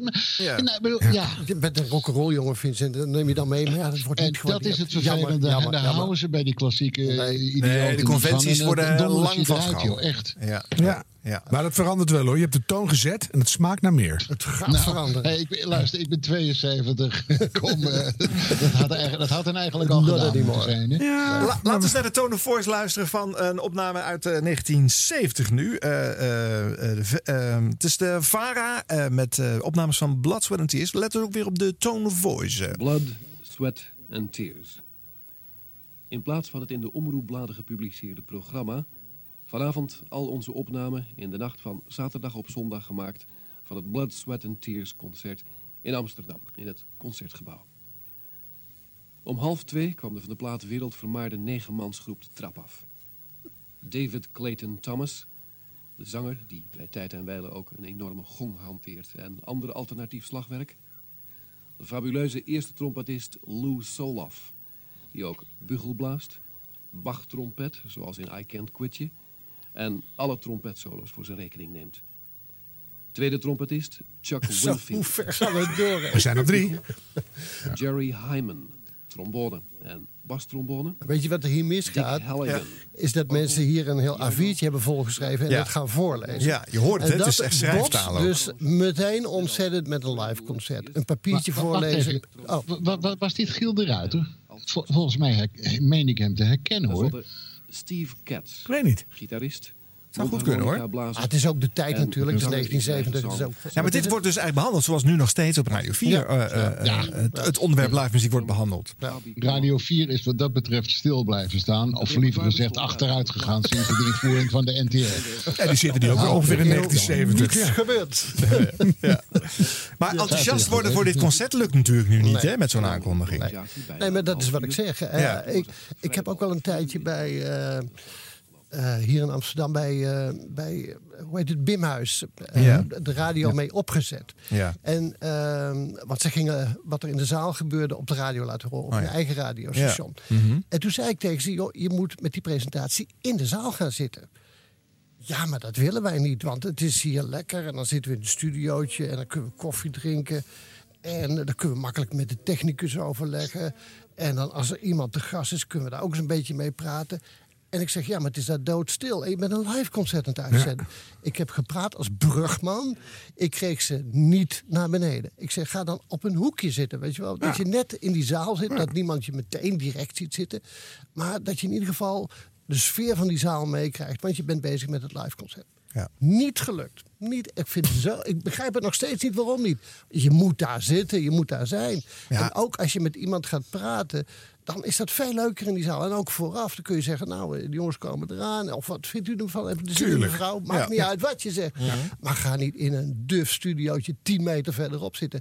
Ik vond het zo fout, vind ik nog steeds. Maar je mist ook doen. wat er gebeurt. Tuurlijk. Los van, stel dat er iets gebeurt. Dan zit jij in je studiootje. Ja. Oh, de haal, is, Ze rij- vonden het wel lekker rustig. er is een lamp op rij 1 en rij 2 gevallen. Maar dat hebben wij niet gezien, want wij zaten in het studiootje. Ja, Dus wij ja, zaten dat, 10 meter er vandaan. ja, dat is echt suf. Heel Dat is echt- suf. dat is- ja. Ja, dat wel goed dat ze je ook niet begrepen hebben. Vind ik wel goed. dat je dan ook consequent door blijft blunderen. Dan, eh, ja, Ja, nou ja. jeetje, ja. Jullie zeiden net eh, 1970, ja, dan verwacht je dat eigenlijk wel. Maar het kan ook wel anders. Eh, opnames nu van de VPRO van eh, het Kralingen Festival. Hier op het eh, festivalterrein staat een grote wagen opgesteld van Granada, de Engelse commerciële televisie. En daarin staat een achtsporen opnameapparatuur waarop alle muziek hier op het terrein wordt opgenomen voor een film. Eh, Paul van den Bos, Nederlandse cameraman, werkt voor die film en Laurie Langenbach maakte als een van de velen interviews voor je. En het alles voor een tamelijk geheimzinnige filmmaatschappij. Ik doe interviews met de popartiesten die hier spelen. Ja, we hebben de hele tijd zitten praten met Grace Slick en ehm, die jonge Paul die erbij zit. Ja, ja. En eh, nou, ik ben nu niet zo serieus bij, maar het was een ontzettend serieus gesprek over Amerika. En uit het gesprek bleek gewoon dat ze ontzettend geobsedeerd zijn. Helemaal door en door geobsedeerd door het feit dat ze in Amerika leven en dat Amerika zo ziek is. En hebben het ook constant over hun eigen ziekte. En later kwamen er ook jongens van de Birds binnen en met andere jongens. En die begonnen meteen ook daarover. Het is net alsof ze nergens anders meer aan kunnen denken. Het was echt... eh, want die eh, Roger McGuinn ging bij het raam zitten. Hè? Het was een heel hoog gebouw. En eh, zat bij het raam. En toen begonnen ze meteen van... Ja, ja, in Amerika kunnen ze die ramen niet zo hoog bouwen zonder tralietjes ervoor. Want dan springen ze eruit en zo, weet je wel. En er ging ook per ongeluk ergens een knal, hè? Gewoon een knal ergens op straat. Zo. En meteen viel Roger McGuinn op de grond, alsof hij neergeschoten was. En die anderen die schrokken ook echt op en zo. Terwijl wij het nauwelijks gehoord hadden. dus zo ging het de hele tijd door. Dit is Laurie Langenbach, hè? De, de betreurde... Ja. ja, ja, goh. En eh, voor mij is het festival ook, eh, ik weet niet hoe het komt hoor. Mij gaat het eigenlijk alleen maar om die dingen. Het gaat mij helemaal niet om eh, de muziek of, of om het vertier of zo. Maar om de dingen waar die mensen mee bezig zijn. En waar de mensen waarschijnlijk in het publiek ook mee bezig zijn. Maar ze heeft toch wel een mooie sfeerverslag van eh, gesprekken die we niet horen met de muzikant. Want dat heeft ze dan niet Ja, kunnen opnemen. een maar- wonderlijk, wonderlijk stukje radio. Heeft dit, wel is, wat. dit is voor mij is dit de eerste keer dat ik dit hoor. En dat ik, dat ik hoor van de, de, de Lovings. eh, hoe heet- hoe heette die band nou? Enfin, Eh, van Grace dat- Slick bedoel je? Eh, Eh, Jefferson Airplane. Jefferson Airplane. Oh, Jefferson Airplane, ja. Ja. Dat, dat, dat, dat ik een sfeerbeschrijving hoor van een Nederlander die gesproken heeft met die mensen. En die sfeerbeschrijving is zo goed gedaan. Ja. Eh, want ja, je, je ziet ze bij wijze van spreken, zie je ze op de, op de, zie je die gasten op de, op de grond eh, liggen en, en, en, en kruipen. Ja, dat is, dat, is, dat is live radio. En ook al hoor je dan niet, misschien niet direct die, die, die stemmen van die, van die artiesten, de, de, het, het feit dat ze erover vertelt en haar eigen ervaring zo ontzettend goed vertelt, Ja. dat, dat vind ik eh, fantastisch. En ook dat ze zelf zo'n enorm rustig, relaxed toontje heeft. Waardoor het voor mij ook weer zo'n zo'n retro beeld oproept. Van zo'n vrouw met zo'n gebloemd mm, te kort blouseje. En een hotpants met een doek in haar haar. Ook die al een, eh, beetje... een, een sigaretje achter de rug. Ja, eh, zo te horen. zo, ja, ik ben niet zo heel vrolijk meer. En, eh, Het heeft wel de sfeer van. Dat Ja. is het 1970. Ze maar zitten het helemaal in, wel, ja. wel, wel eh, ja, het klopt allemaal. Ja. Mooi, mooi. 100 jaar radio. Wij laten het geluid slechts eenmaal horen. 100 jaar radio. 100 jaar radio. Harm Edens. En Arjan Snijders. Ehm, eh, we hebben nu wat eh, publiek omroepgeluid laten horen. Maar het commerciële Veronica op Zee eh, besteedde ook aandacht aan live muziek. Want in de avonturen was eh, Lex Harding daar bijvoorbeeld met het programma Parels voor de Zwijnen. En eh, die titel is wel goed gekozen voor dit station. Waarom? nou, dat gaat, luister maar eventjes. Uit 1969. De volgende aflevering van Parels voor de Zwijnen is volledig gewijd aan Brian Jones en het live optreden van de Rolling Stones in Hyde Park. Peter Stuyvesant, Nederlands favoriete filtersigaret. Peter Stuyvesant. Nu vijf king-size sigaretten meer. Peter Stuyvesant. U geniet zoveel meer. Brian Jones is dood, maar de Rolling Stones zijn springlevend. Robbie Dale was zaterdag 5 juli in Londens Hyde Park en hij maakte daar de volgende opnames. Can the people on the side here sit? Can you people from Mick Jagger, and I think this is important. When the Stones when the Stones come on the stage, they've asked of course that everyone should have an enjoyable time. But Mick before they play any music or anything, Mick wants to read something in memory of Brian, and he would be obviously um, wants everybody to join in thinking about that before they play any music. Now, I think we all can do a great deal for the Stones, just as the Stones can do for us. So I, I trust that we'll all respect their views when they come on stage.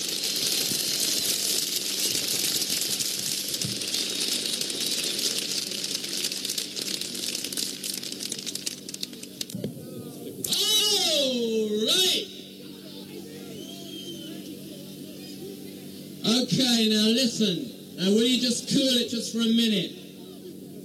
Because I really would like to say something for Brian.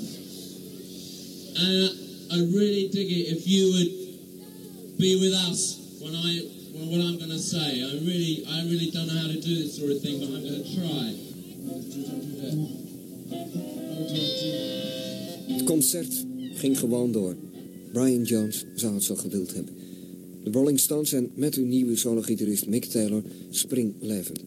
Brian Jones is dood. Maar hij heeft een onmiskenbare invloed op de huidige popwereld. Laten we dat nooit vergeten. Dit was Lex Harding met Parels voor de Zwijnen. Met dank aan Robbie Dale die de opnames maakte in London's Hyde Park. En Jules Gelijk die de technische verzorging had van dit programma. Nou, wat vinden jullie ervan?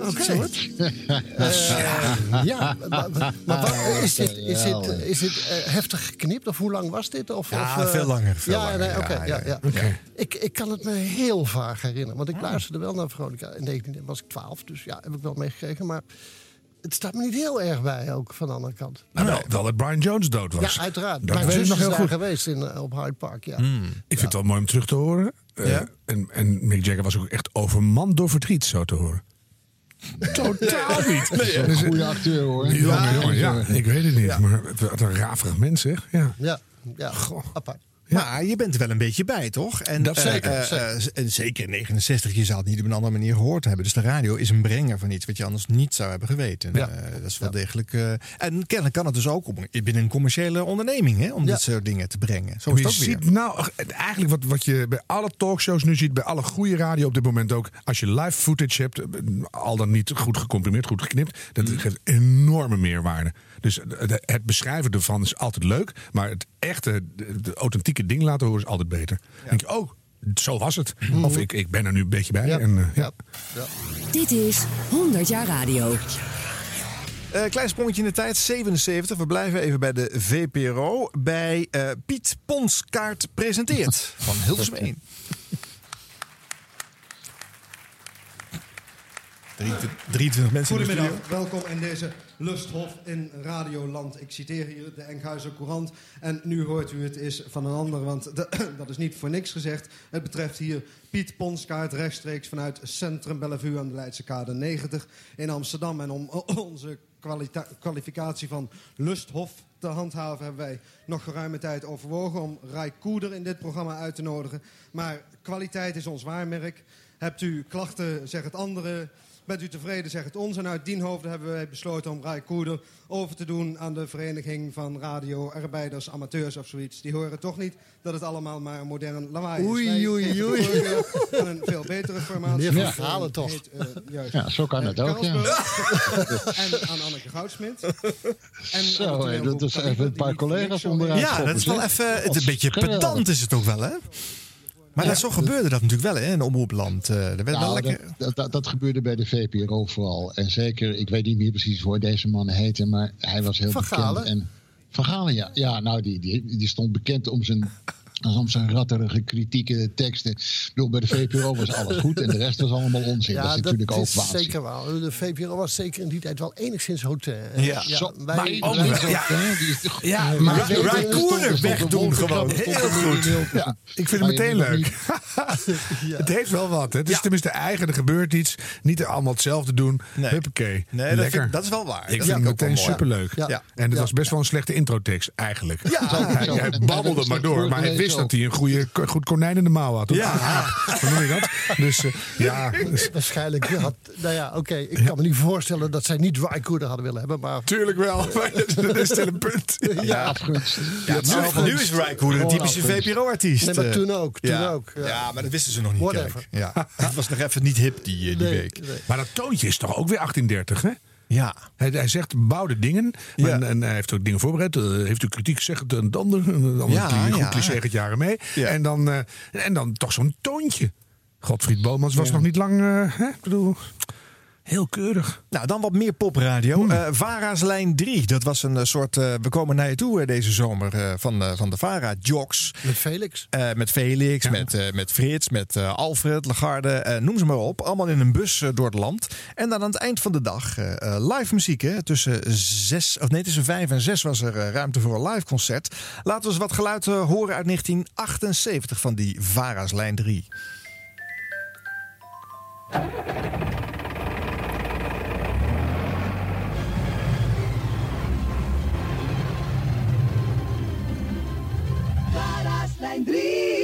Ja, dit wordt dan weer het laatste afsluiting van Vaarslijn 3. Dit is de allerlaatste en die konden we niet beter afsluiten. We konden kiezen tussen plaatjes draaien hier, wat oorspronkelijk het plan was.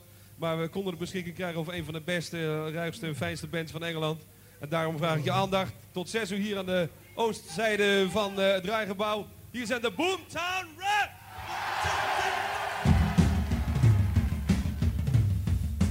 Alfred Lagarde, hè, deed eh, deze aankondiging.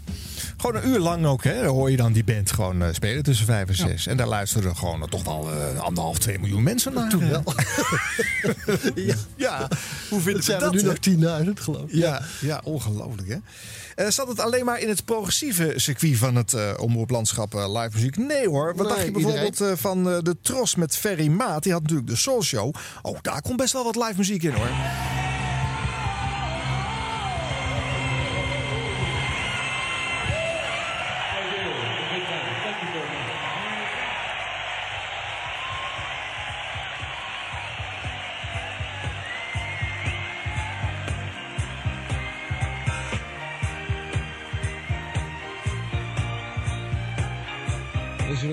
Anderhalve minuut voor vijf geworden. En dat was het live optreden van Earth, Fire in Ahoy, Rotterdam. Ik heb het concert twee keer gezien. De eerste, de eerste keer in Frankfurt. En daar was het publiek minder enthousiast als in Rotterdam. En Earth, Fire gaf na afloop van het concert trouwens nog te kennen... dat het een van de beste optredens tot op dat moment was. Wat er verder is gebeurd weet ik niet, want de heren vertrokken naar Egypte en Japan. Dit was een, nieuwe aflevering van Disco Action. Mochten we nog meer concerten op kunnen nemen, dan eh, zullen we dat zeker voor jullie doen. Oppertechnicus in Ahoy, Rotterdam was Ruud Klein. Verder vandaag dank aan technici Bart, Leen en Nico. Iedereen een prettige paasvakantie en prettige paasdagen met mooi weer toegewenst. Niet vergeten dat volgende week hier in dezelfde discotheek in Cartouche in Utrecht de Real Thing s'avonds optreedt. En dat wordt op 22 april zondagavond. Hebben natuurlijk volgende week in Disco Action ook weer een disco-gast uit een discotheek ergens in het land. Wie het is, hoor je volgende week tussen 3 en 4. En de laatste artiesten die we tegenkomen dan in Disco Action tussen 4 en 5 zal Tina Turner zijn, die hopelijk hier langskomt om wat te vertellen over haar carrière, een nieuwe LP en misschien zelfs nog wat live te zingen. Ook de heren van Real Thing zijn misschien aanwezig. Dus spanning en sensatie genoeg hier in Disco Action. Bedankt dat jullie allemaal naar de discotheek zijn gekomen. Iedereen verder op het strand. eh, het is geen draaien meer geweest het laatste uur, maar ik hoop dat je genoten hebt van onder andere dat live concert van Earth, and Fire. Het Tros is terug via Hilversum 1 is dat. Vannacht van 12 tot 7 uur en anders zien we elkaar donderdag aanstaande. Bye bye. Het wel allemaal onthouden, dames en heren, wat ik Ja. net allemaal heb Ja, verteld? ja, ja, dat- je wat, ik eh, wat joh, mij eh, onthield, wat ik onthouden heb, was Ruud Klein, die technicus. Ja, een fantastische Ah, gozer. Echt een fantastische technicus. Die, die, die iets heel laconieks altijd over zich had. Eh, Hij zei op een gegeven moment keer tegen een of andere operazangeres... Nou, wij hebben hier lekker gezongen hoor, ging goed. Ik bedoel, die, die mevrouw die begreep het niet, want die was niet Nederlandstalig. Maar eh, wel bij later van, nee, het is niet waar. Dat zeg je toch niet tegen... Die kant moet Radio zo was 4 die op. Ja, dat gaat met... Geweldig, geweldig. Maar ja, jongens, je, je- En een hè, gewoon een uur lang Earth, Wind and Fire. Overdag, hè? Tussen 4 en Ja, 5. kan, kan me niet schelen. want Ik zou de wekker ervoor zetten nog steeds. Dat is, toch- hè, hij is alweer dood ook. Ja. Maar goed, en dat- die kreeg minder aandacht dan al die anderen die dat jaar dood gingen. Maar Ja, hij was misschien wel de beste. Weet je wat het ook was Oh. natuurlijk? Dat wij zoveel live concerten konden opnemen. Was Ja. dat we er niet voor hoefden te betalen. Want eh, nauwelijks. dat ging allemaal uit de gezamenlijke pot. De, hoeveel wagens je ook op en neer naar Liederij en Amsterdam maakte allemaal niet uit. Je hoefde alleen maar die artiesten een paar tientjes te geven. Of 100 gulden of soms niks. Maar die techniek kostte niks. En nu kost dat natuurlijk heel veel geld om hè, een wagen op en neer te laten we alles zelf betalen. En toen was er een algemene pot. Een zeg maar. algemene pot en die was Dus je eigenlijk bestelde gewoon oneindig. maar. En Doe je maar bestelde vijf technici, gewoon. doe maar tien wagens. Ja, Ja, Ging maakt het zo? maakt het- ja, maakt het Nou, niet zo uit. ging het nou ook weer niet. Ja, het was wel zo nou van, ja. nou, je moest, In het begin konden we zoveel opnemen als we wilden. En bij Earth, Wind and Fire ben je al met Earth en Wind en Fire. dus dan heb je al drie wagens. Ja, maar er is wel zoveel moois toen opgenomen door iedereen. Eh, nou ja, dat is allemaal gedigitaliseerd, dat is allemaal terug te vinden. Maar al die hele grote namen, je kan het zo gek niet verzinnen, zijn opgenomen. Ja, dat is maar dan word je toch uniek. heel blij als je Ja, dat weer hoort. ja. Fors geboetlekt overigens ook door menig eh, technici. Hou Eh, eh, maar- Sibrand Verwer mij ook onlangs. Dat, eh, dat die, kwam, die jongens kwamen met hun eh cassette recorder mee naar de wagen. En die hadden dan opgeschreven van eh eh, North Sea Jazz, de line-up. Ik wil graag die en die en die. En dat werd gewoon allemaal opgenomen Ik daar. was een keer in een eh, platenzaak in eh, New York. Een beetje een achterafzaakje met allemaal bijzondere dingen. Ik ga daar een beetje grasduinen. Ik geloof dat ik wel twaalf van mijn eigen concerten ben tegengekomen. Nee, serieus. Van die in Holland, die in Holland, die in Holland. Ik zeg, nou, Nou. datum, dit, dit moet van mij zijn. En de Of Cure waarschijnlijk ook, hè? Zijn. De Cure, zal, ik weet niet meer welke Ja, erbij met zat. dat stukje van Maar jou het erbij. was te gek. Het Nou, was ja, omdat jij ze zo on, ongezo- ongeschonden uitzond, konden zij het lekker bootleggen en uitbrengen Ja, natuurlijk. dat is waar. De Ja, Spaanse versie die vond je nergens. Nee, nee, nee. Nee. Dat, Behalve bij U2, hè. Op een gegeven moment moesten we wel bij U2, eh, weet je niet meer, Vincent, eh, jingletjes na elke drie liedjes of zo eh eroverheen starten. Tot ons grote verdriet moesten we dat doen. Oh ja? En Ja, ja, dat dan was hebben om we ook- bootlegs tegen te gaan, ja. Dat was om bootlegging tegen te gaan. werkelijk. En dat Ja. was heel erg. Dan moesten we echt van tevoren zeggen: sorry mensen, het is niet anders. Het ligt niet aan ons. We moeten dit doen van U2. Maar dan was het wel concert een beetje- gaande. Ja, en dan, ja. een, dit is Avro's weekend. Quiz moest er dan doorheen. En dan, Ja, en dan, dit is ging Radio niet 3. Avro's Weekend Nee, dit, dit was de Radio KRO 3. ja, Caro, een riedeltje. En dan, dan hadden wij wel Oh. een zo kort mogelijk riedeltje verzonnen. Dat duurde maar drie seconden. Maar wij Maar waren toch. Ja. Ik weet niet, na elke drie liedjes zo'n Ja. jingeltje te draaien. Dat, ah, Maar in het, in het applaus of nog eh, in het eh, restantje nee, van een liedje? liedjes. Tussen liedjes in. Oh, dan knip je er toch lekker uit als boedelegger, dat is geen probleem. Nee, daarom Ja, had het. ook nog gekund. Maar ze wilden dat toch iets, denk ik, proberen tegen te doen. En, Ja. nou ja. Ik snap het. 100 jaar radio. De radio geeft genot. 100 jaar radio. Eh, bij de VARA eh, werd eh, veel aandacht ook eh, voor live muziek eh, vrijgemaakt op eh, Hilversum 3. Eh, je had bijvoorbeeld het programma VARA's Popkrant. Daar mochten ook nieuwe beginnende bandjes eh, in een studio eh, in Hilversum komen opnemen. Een mooie ervaring natuurlijk. Eh, nu wat geluid uit 1980 van het programma Allemachtig 80. Dat is op nieuwjaarsdag een vooruitblik eigenlijk op wat er komen gaat. En je hoort dan de hele dag popkrantgroepen overdag op Hilversum 3. Hè? Dat is echt een hele andere koek dan eh, aan het eind van dat decennium. Want dan eh, worden die popkrantopnames een beetje weggemoffeld. Nog vlak voor de ster. Een half minuutje van zo'n track gedraaid. Want het is maar ingewikkeld. Al die nieuwe onbekende muziek van die bandjes. Maar in het begin van het decennium wordt er nog volop in geloofd. Allemaal, welkom op deze nieuwjaarsreceptie van de VARA.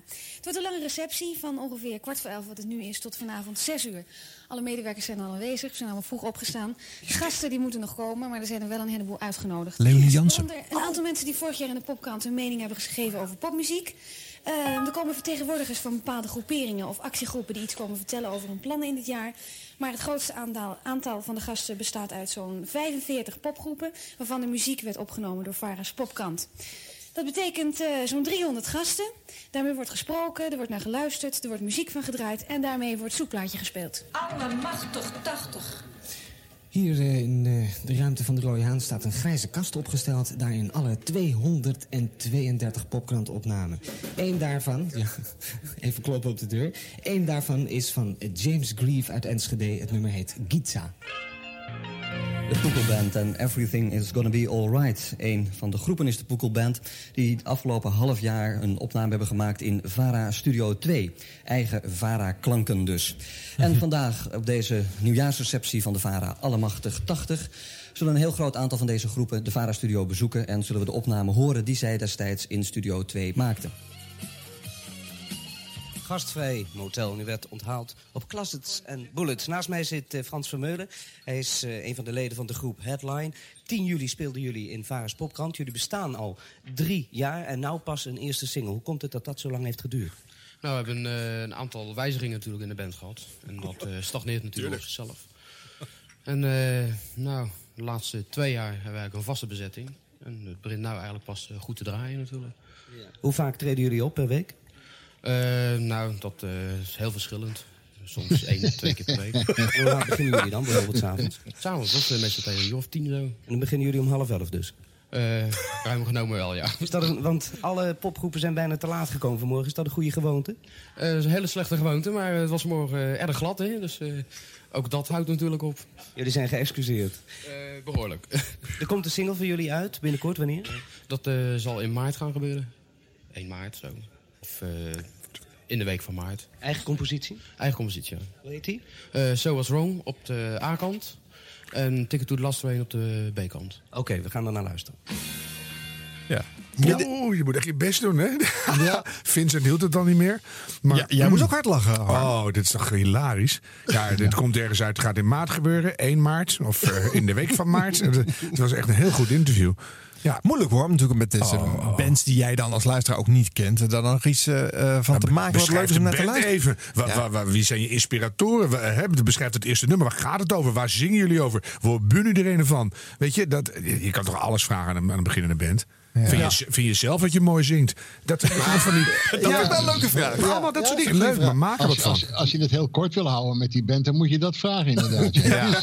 Nee, maar ik bedoel, het is allemaal zo gebabbel. Vind je niet? Ja, maar beginnende bands is wel extra moeilijk hoor, om te Hmm. doen. Dat, eh, eh, en, en ja, die zijn vaak al heel erg zenuwachtig. Ja, die waar, weten al ja. zelf niet wat ze zeggen. Die vinden het moment al eh, te eng om loslopen. Die moeten het eigenlijk gaan spelen waar ze al helemaal in zitten. Van, Hoe gaat dat wel goed? Ja, de beste en dan moet jij nog een beetje Ja. iets gaan vragen. Dus ze zeggen, eh, korte antwoorden ben ik er snel vanaf. Ja. Eh, Ja, ik dus snap wat je dat is, bedoelt, dat is extra moeilijk hoor. Eh, Had je ook ja. gehoord wie het interview deed, eh Nee, Harm? nee.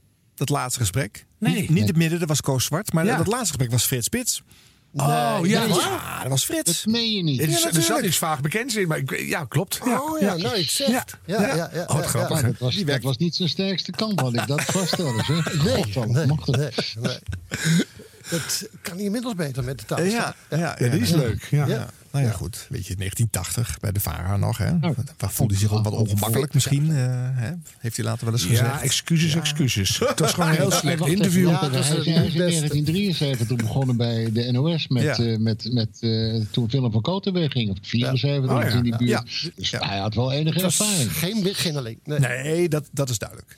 Nou, nu wordt het toch wel eens tijd om wat eh, aandacht aan de KRO te besteden. Jullie, Nou, eigen lang gereden. Nou wordt het lachen. ik vond ze wel beschaafd, dus we zaten niet te zaniken. Optimaal gerekt, maar daarna is dan de KRO. Nu moet het toch. KRO, Hilversum 3. Die was goed echt gemaakt. 035 programma- 6713 713. Nee, Ja. dat is 73911. Mooi niet. Jawel. 711 911. Dat was de VARA. Ja, dat is toch. Whatever. 713 911. Je hebt gelijk. Ja, ja, ja. Oh, sorry. Jongens. Eh, hier hoort een nerd alert, eh, jingle. Ja, ja, ja. Ehm, we gaan naar eh, Vincent luisteren in eh, Caro's Rocktempel. Hij heeft de live primeur van eh, U2 die optreden in de KRO-kantine.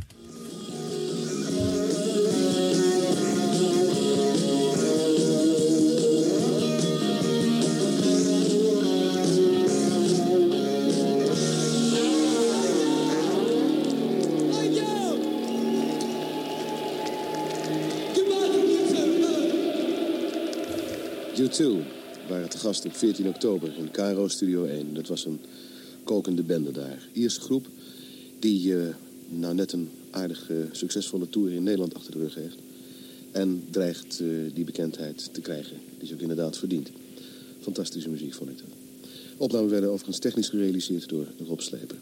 Ah, wel een historisch concert. Nou ja, zeg, Het allereerste concert er iets van... over vertellen? Oh, sorry. Ja, Vincent. zeker. Het was het sorry, was namelijk zo dat er een concert werd afgezegd. Harry de Winter die had dit geproduceerd. Dat was eh, mijn vaste producer. En die, die, had, die regelde al die bands altijd. Nou, dit had hij voor elkaar gekregen. Dat eh, in plaats van dat ze ergens zouden spelen wat afgezegd was... dat ze in de KRO-studio, in Studio 1, de grote oude studio... zouden optreden. En dat was iets fantastisch. Een totaal onbekende band die heel groot is geworden. Die we later nog eens een keer hebben opgenomen in Rotterdam. En die, die ik heb eh, in, in, Ja, dat nou, vaak. in Dublin heb ge- afgemist Ja. met, met, Ja. met Gert de Bruin, de technicus. Ja, het was iets, eh, echt iets fantastisch dat, dat we dat hadden. De eerste, eerste optreden van zijn eerste radio optreden. En meteen een groot succes. En de allereerste keer dat ze buiten Ierland speelden. Of buiten het Koninkrijk speelden. Ja, ja, ja. Ja, Eh, absoluut. eh, dat- ja, dat is echt wel historie. Ze waren net begonnen. Kan je je niet meer voorstellen, want ze zijn zo groot geworden. En dan staan ze daar een beetje de melk te, te laten schiften aan de Schavenlandse weg. Waar zaten jullie? Nou, De weg. De- de Emmastraat. En- ja. Ja, ja. En dat is toch fantastisch dat je gewoon in het gebouw... Ja. Dat zo'n enorme toekomstige band. En dat, dat beschreef je goed, Vincent. Van, eh, die, de, die de roem gaan krijgen die ze verdienen. Weet je, dat is echt fantastisch. dit. Ja, voor 70 man, hè? 50 man Ja. even waren erbij. Dat, dat was heel klein. Ja, echt. En die juffrouw met die schortje, met dat schortje. dus, eh, Ja. Twee jaar later eh, dan eh, komt eh, de live-opname van I Will Follow op een singeltje in, eh, in Nederland uit. En eh, dat wordt zowaar een, een hit. En Ja. eh, dat had jij ook opgenomen, eh, Vincent. Maar ook eh, eh, eh, werd het opgenomen bij eh, Veronica. Ja. En eh, ging Alfred Lagarde als, zich als producer eh, opwerpen. Ja. En eh, eh, ja, hoe liep dat af, eh, dat verhaal? Dat weet ik niet meer. Ik weet wel dat Alfred een hele goede vriend van mij was. Maar op een gegeven moment ging hij bij de VARA werken. Hij zat eerst ook bij de KRO. En eh, ja, dan, toen ging het een beetje mis, geloof ik. Maar we hadden een gezonde rivaliteit, laat ik het zomaar voorzichtig zeggen dan. Ja. Dan kan ik ook nog een duizend zakje doen dadelijk, Ja. wat dat betreft. Ja, Ja, Oh, ja, ja. Nou goed, het, was natuurlijk zo dat die Veronica-opnames zijn uiteindelijk op single uitgekomen. Niet eh, de opnames die, eh, die eh, jullie hadden gemaakt op Werchter van I Will Follow. Want ja, bij Veronica had je de tipparade en de alarmschijf. En daar zat eigenlijk een garantie tot een hit achter. dus Dat kon Lex Harding gewoon dat regelen. was- Dat, Sorry die versie uitkwam. Maar dat was de grote eh, financiële het, het truc waar we altijd mee zaten. Ook met het opnemen van concerten. Als Veronica in zicht kwam, dan kon je het bijna schudden. Want je had A niet het budget ervoor. En B was het zo dat zij meteen met die, met die tipparade bezig waren. En dat werd keurig netjes onder de heren daar verdeeld. Laten we eerlijk zijn. De- Ja, dat was eh, echt keiharde business. Die eisten gewoon eh, van Veronica. Wat dat betreft zijn ze niet zo heel collegiaal. Met, met mes op tafel bij platenmaatschappijen. Ja, hoor. Eh, het gaat onze kant op en anders kunnen jullie het vergeten. Komt die plaat niet in de top 40 terecht. Zo simpel is Eh, het. zo Ja, simpel was het echt eh, wel. Ja. Alfred Legarde was een ontzettend leuke, aardige, vriendelijke en goede collega. Eh, ooit hebben wij een Bonnie Raitt concert opgenomen in Paradiso, Oh, 24 sporen. Een prachtig concert. En Lagarde was, werd er gek van dat wij dat hadden en hij niet. hij belt mij midden in de nacht op, echt waar, om één uur. En hij zegt, Mark, weet je wat ik aan het doen ben? Ik zeg, joh, geen idee. Ik ben dat Bonnie Raitt concert opnieuw aan het mixen en ik zend het volgende week uit. Lagarde, dit is ons concert. Blijf met je poten uit dat archief en eh, stop met wat je aan het doen bent. Je gaat het helemaal niet doen.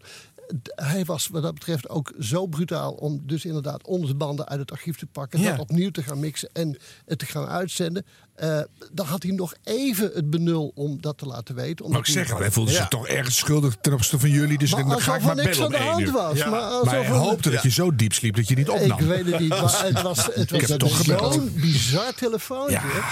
Ja. Eh, Maar goed, eh, over Lagarde niks dan goeds verder. Eh, Behalve eh, dit dingetje. Nou ja, ik vind het ook wel weer grappig dat iemand zo bezeten is van die Tuurlijk, muziek. ja. Dat hij denkt, ik doe dat gewoon, kan mij Ja, uit dat kan ik ook wel weer waarderen. Ja. Echt Ja. wel. Ja, Ja. ja. Ja. Hoe laat was het? Hoe, hoe, hoe laat belde die jou? Ja, midden in de nacht. Echt om één Ja, uur of om twee uur, ik weet het niet. eh, Het was, was echt midden in de nacht. dat, dat was, nou, laat ik zo zeggen, nou niet direct echt eh, Alfred zijn, zijn sterkste tijd. Hè? Zal ik dat zo voorzichtig dan maar uitdrukken? Nou, wel zijn meest productieve tijd, eh, denk ik. eh. Eh, Achter de mengtafel dan. Inderdaad. Ja. Ja. Ik inderdaad. kon niet lang volhouden. Nou, we gaan nog wat luisteren van Vincent van Caro's Rock Temple. Even luisteren hoe dat klonk.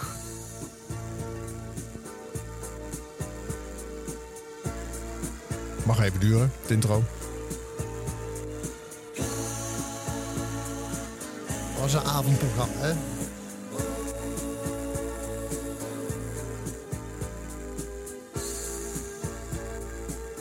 Kom er maar in, hoor.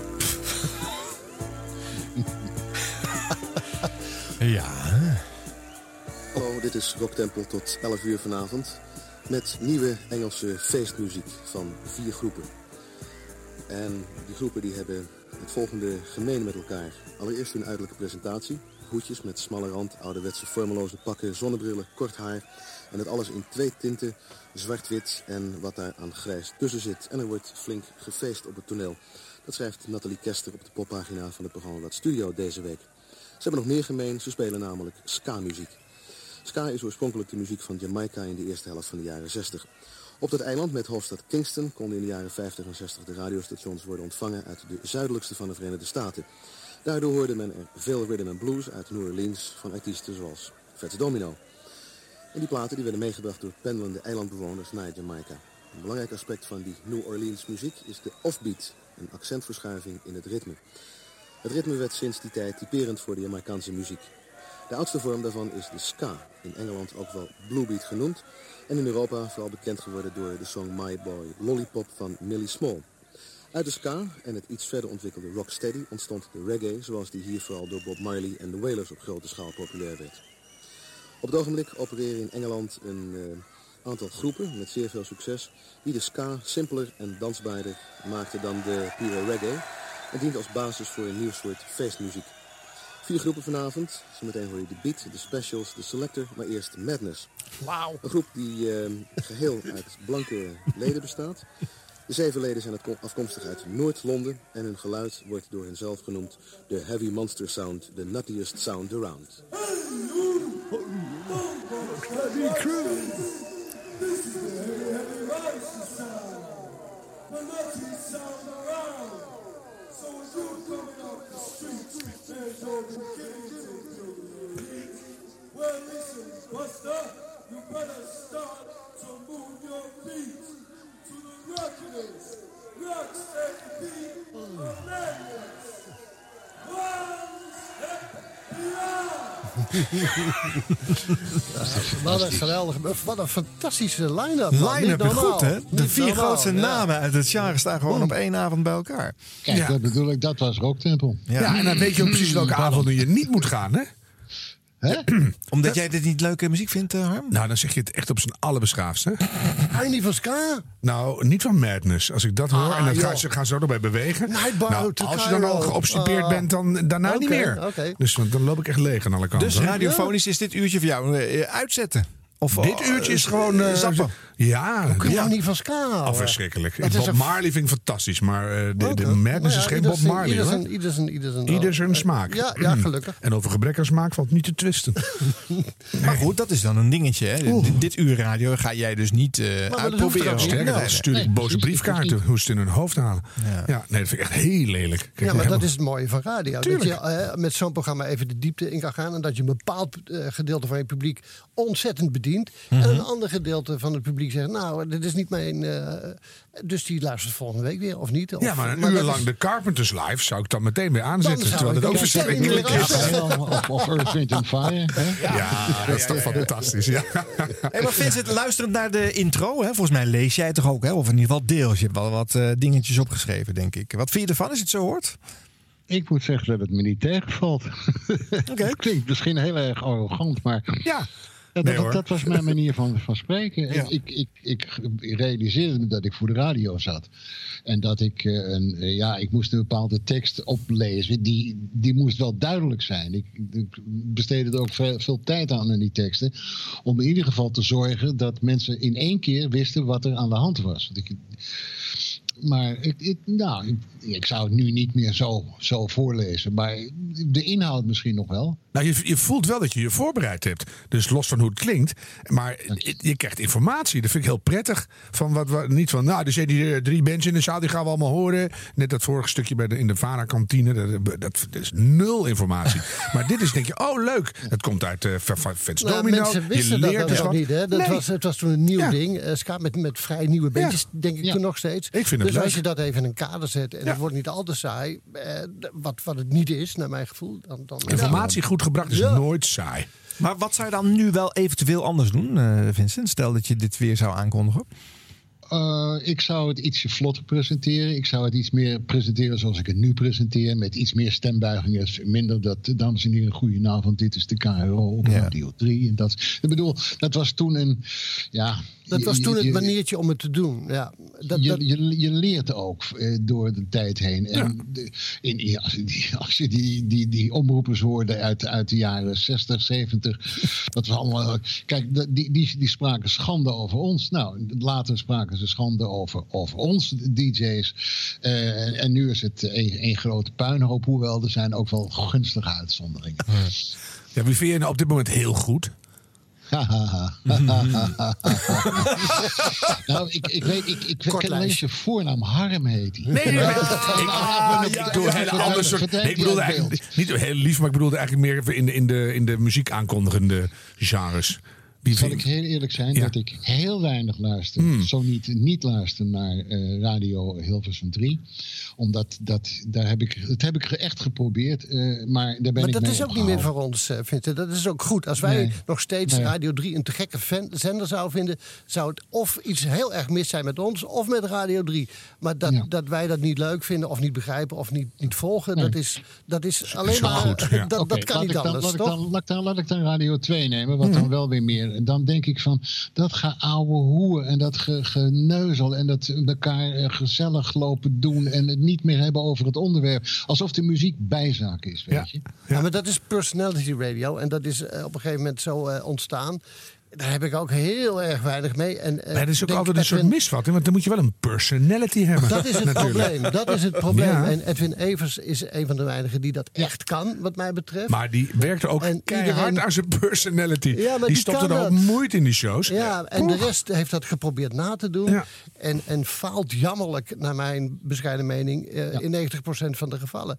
Omdat ze te weinig personality. En er niet, genoeg, niet hard genoeg aan werken voor mijn gevoel. Ja, en, eh, Het is een en beetje denken, ja, dus ja, eh, ja. Nou, dat hebben we dan ook weer gezegd. Ja, en door. Afgevoerd. Nog één fragment van uh, Rock Temple? Ja. Ja? Die was al sneller. Leerde het wel. Rocktempel tot 11 uur. Vanavond eh, de tweede in de serie concerten die we tijdens in Rotterdam Noepop op 16 augustus opnamen. Vanavond hoor je de Sound, die komt eh, rond half elf ongeveer. En we beginnen met de Scars. Groep bestaande uit Robert King, hij is de zanger, Steve McLaughlin drums, John Mackey op bas en Paul Research gitaar. En hij neemt de achtergrondvocalen voor zijn rekening. De groep heeft eh, één LP gemaakt, die heet Author Author. En we hebben de Scars wel eens eerder opgenomen, begin van dit jaar. Toen was het een puinhoop. En van dit Rotterdam Noopop concert kun je zeggen dat het prima is. We beginnen met Leave Me in Autumn. Prima wordt het. een half uur lang prima.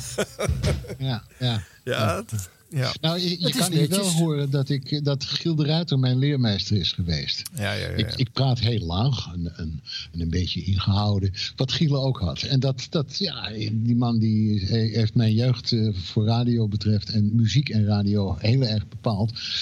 Dus daar is wel wat van blijven hangen, ja. Maar omdat het wel een beetje tone of voice is van die tijd, laat ik nu even horen in een fragment van de VPRO. Maar Daar even horen nog, want eh, het is natuurlijk wel late night en ik vind het wel heel prettig. Ja. Het is alleen zo grappig dat het allemaal helemaal schoon... eh, Voordat het concert begint heb je niet een ander eh, bedje of iets, een ge- een geluidje. Het is doodstil daar. Maar het is heel prettig. Ja. Dus ja. Maar Jan Donkers dan bij, bij de VPRO in de, de suite. Oh ja. Bij de microfoons aan de aan de andere zijde van de suite staat een eh, groep uit Brabant klaar. Eh, twee weken geleden, dat moet ik er nog even eh bij zeggen, bij wijze van introductie. Toen eh, hadden we hier eh, Jaap van Beuzenkom en eh Joost Fante. Eh, we hebben nu een eh, andere lood van de oude CCC Incorporated, namelijk eh, Ernst Jans. Hij eh, is in de groep die nu gaat optreden, die heet Doe Maar, is hij eh, degene die achter de piano zit en zingt. Verder hebben we Piet Dekker, speelt bas en zingt. Jan Hendricks speelt gitaar en zingt ook. En Karel Kopier zit achter de drums en ook hij zingt. Uit Brabant, Doe Maar. Wees niet bang voor mijn lul. Oh, is dat flauwekul. Al is het soms een stijve pik, hij is net zo als ik al. Mijn lul. Ja, Harm kijkt een beetje verbaasd, maar dit was het eerste Doe maar geluid. Ja, hè? vind ik wel beter dan de rest. Ja. Ik leef helemaal op in positieve En zin. die vriendentijdperk, ja, leuk. Ja, ja. Ja, ze Maar dit is allemaal wel een beetje hetzelfde. Zeg je Ze Vincent? zijn, een paar keer, ze zijn een paar keer op Pinkpop geweest. En dat hebben we allebei opgenomen. En daar werd dit nummer ook gezongen volgens mij hoor. En, en- en- er werd, werd er wel een Nee, dat was Ik loop mijn lul achterna. Dat was een andere. Ja, ze hadden meer, ze hadden meer lullige liedjes. Ja, ja, ja. En toen kwam de Evergreen, hij doet dit niet, hij doet dit niet. Ja. Al die twaalfjarige meisjes meezingen. Ik loop mijn lul achterna. Ja, Heerlijk. ja, dat had iets raars. Ja. Echt, echt. Ja, ze, ze, deden het gewoon en ze, en ze kwamen er vooruit. En het, het, weet je, het, het was, dat vond ik het goede van Doe Maar. Het is een hele populaire groep geweest. Met soms liedjes waarvan je dacht van, nou zeg jongens, dat, dat kan helemaal niet. Zeker niet voor een KRO, weet je wel. Maar deed Ja, het gewoon. toch deed u het. Ja, dat is wel, eh, toch wel weer opvallend. Want, eh, Ja, daar was zwak voor, toch? Jawel. En als de bom Nou, ik, ik, heb er wel, ik heb er wel eens problemen mee gehad met mijn chef. Ik zal niet Oh, ja? zeggen wie het was. Ik heb op een gegeven moment gezegd... eh, moet je horen, wil je dat ik met het programma stop? Dan, dan doe ik het. Eh, want, maar dan moet jij gaan uitleggen... waarom een, een goed lopend programma als Rocktempel... niet meer eh, uitgezonden wordt. En toen haakte hij af. Hij heeft trouwens met twee jaar chef geweest. hoor. Dus, en toen kwam Robert Kaassen, met, aan wie ik veel te danken heb gehad. Ah, Dat is de voorganger van Robert. Dat was de. die- Ja, ja. je bent er. Ik herinner me nu een discussie ehm, die, in de, die heb ik in de jaren 90 bij 3FM eh, meegemaakt over het signaleren van nieuwe muziek eh, op de zender en over dat je dan dat live zou moeten laten horen of niet. En toen was de teneur dat de progressieve omroepen, daar hoorde muzikaal gezien de Caro ook toen nog steeds eh, bij en eh, verder nou ja, met je Vara VPRO dat hoekje, dat die vooral wilde signaleren als het nieuw was. Hè, dus doe maar in deze fase. Maar zodra er een hitje was, dan werd het niet meer opgenomen of geregistreerd. En eh, daar, werd, daar werd op afgegeven door de andere omroepen in, in overlegjes over. Van zo moeten we dat niet doen. We moeten juist als de bands populair zijn bij onze luisteraars, moeten we ze gaan opnemen. Herkenbare discussie, eh, Mark? Mm, ja, ik kan me die. her- Pff, Was het nou echt zo'n discussie? Iedereen do- deed toch een beetje waar die zin in had? Nou, ze zeiden over, jou, eh, over jouw programma Leidse Kade Live ook... dat jij ook de neiging had om daar vooral eh, nieuwe acts te signaleren... en, Ja. eh, en het dat dan niet meer te willen brengen eh, eh, in een latere fase. Dan ging jij weer de, een- de volgende nieuwe een- act dat, dat was dus echt ik- ik heb bullshit. het- sorry. Want ik, ik, ik nam de allergrootste bands op. Van, van U2 tot eh, De Dijk en van weet ik wat allemaal. Mhm. Maar het vreemde is eh, dat er eigenlijk toen een beetje een, een neiging was om Nederlandse muziek niet zo te vinden. Nederlandse bandjes. In de jaren 80 was dat oké, in de jaren 90 was dat niet meer oké. Eh, dat was meer het idee. En ik vond dat nog steeds wel de moeite waard om die te laten horen. Dus het is maar net, denk ik, van welke kant je het verhaal hoort. Ja, wat wil je Eh, zeggen, Vincent? Het vervelende is dat eh, Gerard Hulshoff, de programmaleider toen van de KRO, die is verder doorgegroeid eh, in zijn eh, ambities. En die werd op een gegeven moment heel belangrijk wat betreft zenderkleuring en zo. En die had het, die had het credo, dat heeft hij ooit tegen mij gezegd. Jij met die rocktempel in die begin jaren tachtig hebt vijf elementen waar het op gebaseerd is. Dat is grote live bands, middelmatige live bands, of mid- middelgrote live bands, schoolconcerten. Je gaat naar eh, eh, nog een- naar, naar de, hoe heet het, de, beginnende groepen neem je op. Het is allemaal veel te veel. Je moet het concentreren op één, hoogstens twee dingen. Ja. Nou, en eh, die, die, daar heb ik me nooit iets van aangetrokken. Dat heb ik ook gemerkt. Want op een gegeven moment mocht ik niet meer bij Hilversum 3 werken. ik, heb, ik heb mezelf ben ik, ben ik ermee opgehouden omdat ik ruzie met de chef kreeg. Je hebt een hoop ruzie gemaakt, hè, Vincent? Ja, maar dat, dat, is, dat moet je ook doen. Dat je moet tekent gegeven goede moment- Je moet op een gegeven moment, moet Ja, je, je moet als je radio maken. wil maken en je hebt, je hebt een idee erover van hoe het moet. En je, dat komt je niet alleen maar aanvliegen. Dat is niet alleen maar één ideetje. Er zijn een heleboel mensen met wie je steeds praat. Met wie je eh, overleg hebt. En je probeert een, een, een, een gat te vinden. In, want je had de VARA en de KRO, dat waren die zaten ongeveer op dezelfde lijn. Dat je de VPRO, die ging wat extremer. Voor de rest had je de AVRO en de TOS en de NCRV, die, die het, het, het, het, het Jan en Alleman werk deden. Nou, daar moest je een weg in zien te vinden. En dat heb ik op mijn manier geprobeerd. En als je dan als, als bureaucraat gaat lopen roepen van dat ik het niet goed doe, dan kan je het Lazarus krijgen van mij. Zo simpel is het. Vind ik wel weer lekker Caro, het Lazarus. Maar nou, even terug naar Mark. Ik kan me voorstellen dat als radiomaker het veel leuker en ook veel eervoller is als je jong talent signaleert en als eerste uitzendt, dan dat je weer zo'n zo'n hit staat te hoenpapa. Nou, dat was ook de functie van dat programma wat ik toen deed. Live was een programma dat vier, drie, vier mensen uitnodigde in de studio om eens te laten horen wat ze konden. En dat waren nou niet echt hele lullige bandjes, maar dat waren bands veelal die een eerste plaat, een tweede plaat hadden uitgebracht. En die gaf ik de kans om vier, vijf liedjes, hoeveel waren het er, eh, live in de studio te spelen voor een publiek. Nou, dat, dat vond ik een heel mooi streven eigenlijk. En dat wisselden we wel af met, met eh, wat bekendere dingen. Maar sommige bekendere dingen wilden dan ook niet meer komen. Eh, Oh ja, tuurlijk. Ja, dat is waar. bekend. Van, eh, Ja. Weet je wel, we Ja. willen nu alleen nog maar op de televisie. We hebben geen zin om voor, eh, bij wijze van spreken, niks of eh, een paar tientjes na Ja. een hele dag in Hilversum bezig te zijn. Ja. Eh, had ik ook allemaal wel begrip voor. Dus er lopen allerlei dingen door elkaar wat, wat dat betreft ook hoor. Eh, het- maar het is niet zo dat ik geen grote bands wilde doen. Maar ja, als je drie of vier keer, ik zal maar zeggen, de dijk hebt gehad... dan denk je de vijfde keer, moet ik ze nou weer gaan bellen? Oeh. Ja. Eh, dus zij zitten ja. er niet zo op te wachten. Ik zit er niet meer zo op te wachten. Hoe leuk en hoe goed ik die band ook wel vind. Wat was jouw leukste ontdekking of jouw leukste concert dat je zei dat ik dat heb mogen doen? Nou, Ja, Skik, dat vind ik wel mijn allerleukste ontdekking. Daniel eh Lohuus. Ah. Die stuurde mij een cassetje met vier liedjes erop. En daar stond ook... eh, Wie deurt eh, me wat? Wie deurt me wat? Nee, de, daar stond op. eh, ach, ehm, ik Ja, kom er dadelijk op. Ja. En ik vond het meteen ontzettend leuk. Ik ook, denk, ja, wat prachtig. is dit een gaaf leuk beentje. Dus Mhm. die, die, ik belde ze op en ze waren heel erg blij dat ze mochten komen spelen. Ja. En meteen met dat interview ook met Daniel eh, viel hij mij op. Hij was bijzonder. Ik denk, nou, ik mag eh, een bezemstil opeten. Deze jongen wordt gewoon heel erg beroemd. Daar hoef je geen helderziende voor te zijn. Omdat hij al zoveel idee had wat hij aan het doen was. En had, al zoveel begeestering. En misschien was de muziek nog niet helemaal eh, eh, uitontwikkeld. Maar je zag het talent van die jongen. Leuk. En dat zag je ook bij het publiek terug. Die omarmde hem meteen. Ja. Vanaf het allereerste liedje eh, zag je dat, dat hij dat, dat kon. Het is ook lekker in de automuziek, hè? Nou ja, Dankjewel dan voor de zon. En, en eh, ik heb de band vol met winter. Kan je zo lekker op, door de polder scheuren. Ja, ja nou, ik vind het nog steeds En een op fietsen natuurlijk. Ik Dat ook, maar dat doe ik nooit met muziek. Maar dat is echt een aanrader. Dus, ja, eh, ja. Dat leuk. is al Dank- leuk. bedankt nog namens ons allen. Ja, nou ja, maar dat, dat vind ik ook een misverstand. eh, dat, dat sommige discjockeys gaan beweren dat zij een bandje hebben ontdekt. Je kan me niet gekker maken door dat te roepen. Ik vind dat zo'n bullshit. Een bandje ontdekt zichzelf. Ja. En er zijn een paar instituten en, en types die daar een stukje bij op weg kunnen helpen. En dat is een platenmaatschappij, dat is een journalist, dat is een programmamaker, dat is de fan, noem het allemaal maar op. Maar dat een discjockey zegt, ik heb een band ontdekt, flikker op. Dat kan wel, bijvoorbeeld als je dan een, een, huisvrouwenorkest uit Ulft... die je al 40 jaar speelt en die niemand wil hebben... en als je daar dan een hit van weet te maken... Nou ja, dan heb je een... Maar ja, dat gebeurt eigenlijk nooit. Nee, maar je snapt wat ik bedoel. Hè? Je- je- Ik heb helemaal gelijk. Ik, vind dat Ja, irritant. ja, ik dus ook ik zal eigenlijk. echt nooit beweren dat ik Skik heb ontdekt of Daniel Loos. Het is echt bullshit.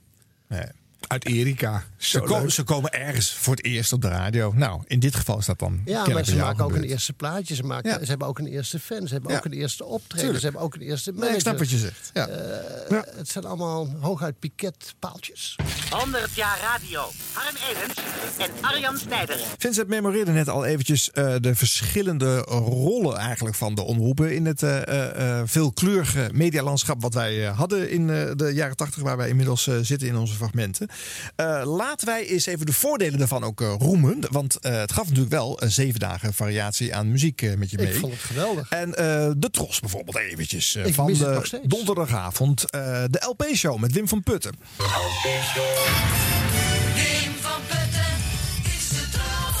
Goedenavond. De LP-show verandert nu weer in een concertuur. Want nu kun je gaan luisteren naar opnamen die we op 13 juli maakten in het congresgebouw in Den Hallo, Wim. Haag van Camel. Ja. Camel, bestaande uit Andrew Latimer, gitaar, fluit en zang. David Payton, bas en zang. Chris Rainbow, zang en toetsen. Kit Watkins, toetsen. Andy Dolby, gitaar. En Stuart Tosh, drums. Hier is Camel live. Ja, Wim verdrinkt een beetje in deze geluidsmix. Hij maar- zit er wel in. Ja. ja. Zelfde, zelfde stijl uiteindelijk. Hè? Het is eh, misschien ietsje jokkeriger gepresenteerd. Maar het is ook gewoon de line-up. En ook gewoon eh sec-informatie. En bam, dat concert erin. Dat is gewoon de vorm. En CV dan. Die had eh, een, eh, een interessante lood eh, in de live eh, categorie. Namelijk Los Vast. Ja. Met Jan Rietman. Wat ben ik weer zenuwachtig, Toos? Waarom? Nou, dan meteen komt toch die Jan.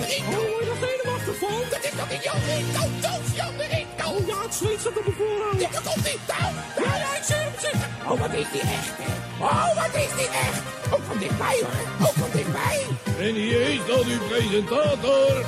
Ik kan het niet uit mijn bek krijgen hoor. Ik kan het niet uit mijn bek. Zeg jij het maar. Jan Rinko, dames en heren. Ja.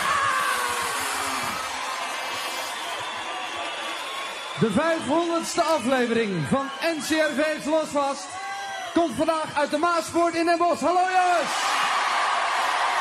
En we hebben een boel artiesten meegenomen. Ik ga ze heel gauw aan je voorlezen. G-Race, want dat is de favorietschijf.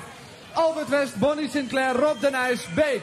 Forrest, Peter Koelewijn, de Guys and Dolls, Patricia Pai, de Dik voor elkaar familie, Lee Towers, de Star Sisters, Anita Meijer, de havenzangers Vanessa, Boudewijn de Groot, BZN, de Dolly Dots, wij André. Duin, André Hazes, de Losvast Superband 2, Vitesse, de Frank en Tootje Wagen.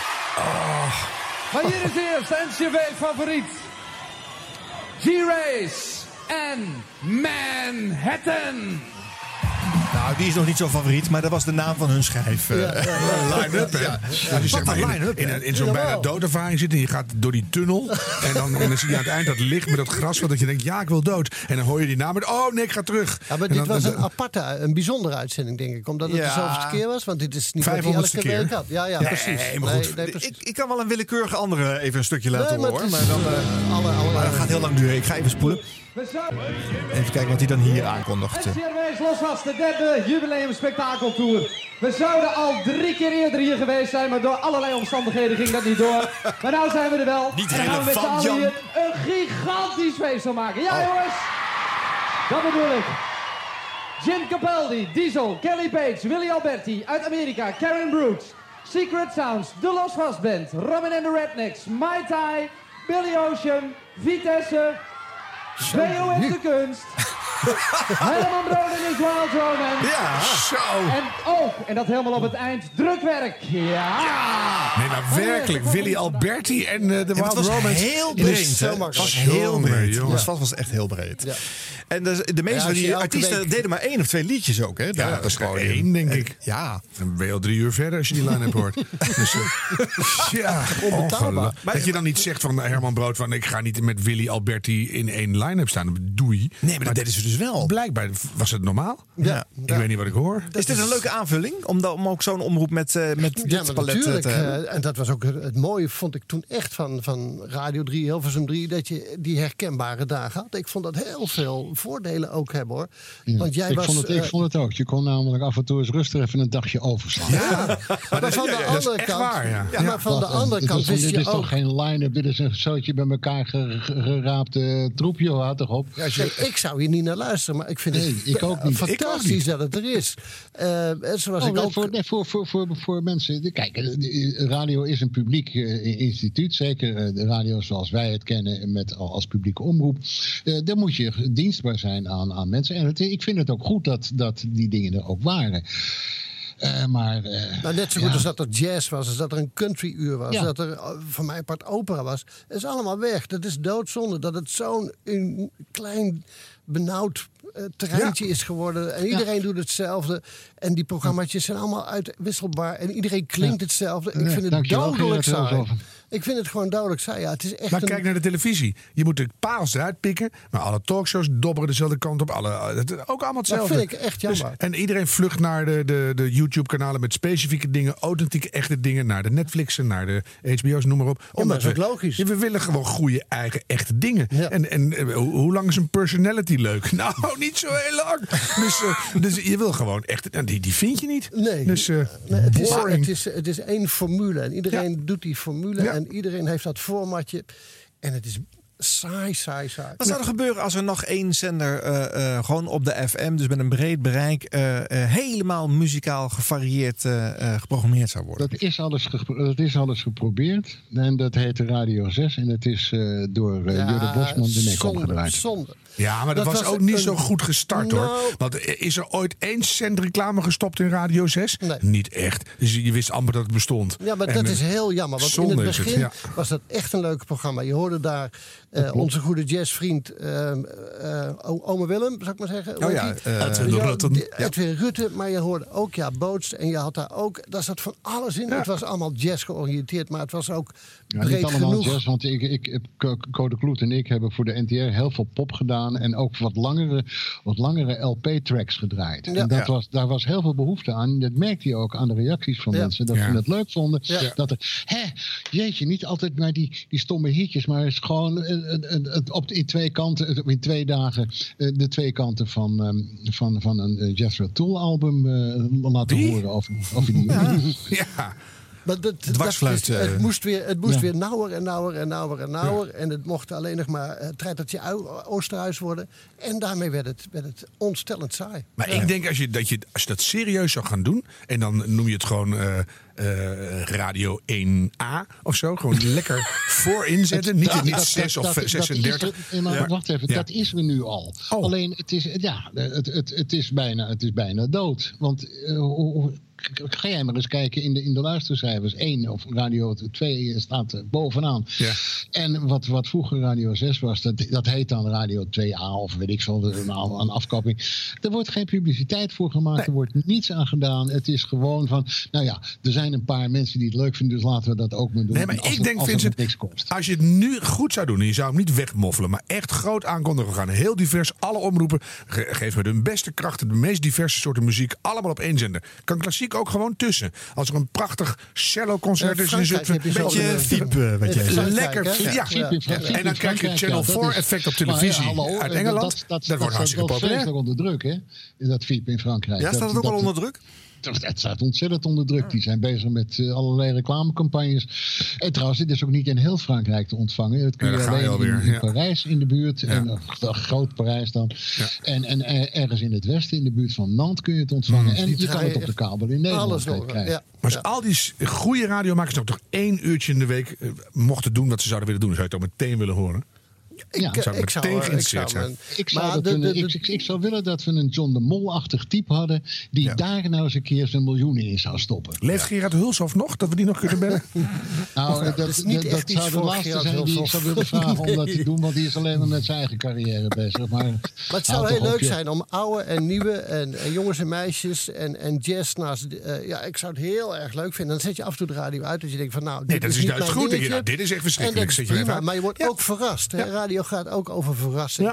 En radio En gaat niet over eindeloos maar hetzelfde uitzenden. En het moet op elkaar lijken. Radio En- Bergrijk is weer terug. Nou, Ja. waarom denk je eigenlijk? Ja. We snakken naar dat soort gekkigheid Omdat er en gewoon eigenheid. iets anders gebeurt. Ja. Eh, Je, je krijgt een plaat horen die je niet verwacht. Die, Precies. waarvan je denkt misschien, "Huh, wat is dit nou voor rotherrie? En nou, ik toch... zal je één ding vertellen, Mark. Jij, jij werkt ook voor radio, eh, voor 40 Up Radio. Waar we behoorlijk eh, bezig zijn op het ogenblik om, om het eh, voor elkaar te krijgen. Het, het, het, het is lastig, het is moeizaam, want het is een enorme concurrentie. Maar je hoort wel een ander geluid dan wat je normaal gesproken op de radio hoort. En hoe heet die zender? Reclamemomentje? 40, 40 40 Up Up Radio. Radio. Ja, jongens, en het is ook gewoon. Hallo, hallo, hallo, hallo, hallo. Even zeggen. luisteren. Ja, ook gewoon bij ons en naar radio, s'avonds op de FM, al die uren ook te En bij beluisteren. mij thuis in Zutphen ook. Ik zend het alleen niet uit.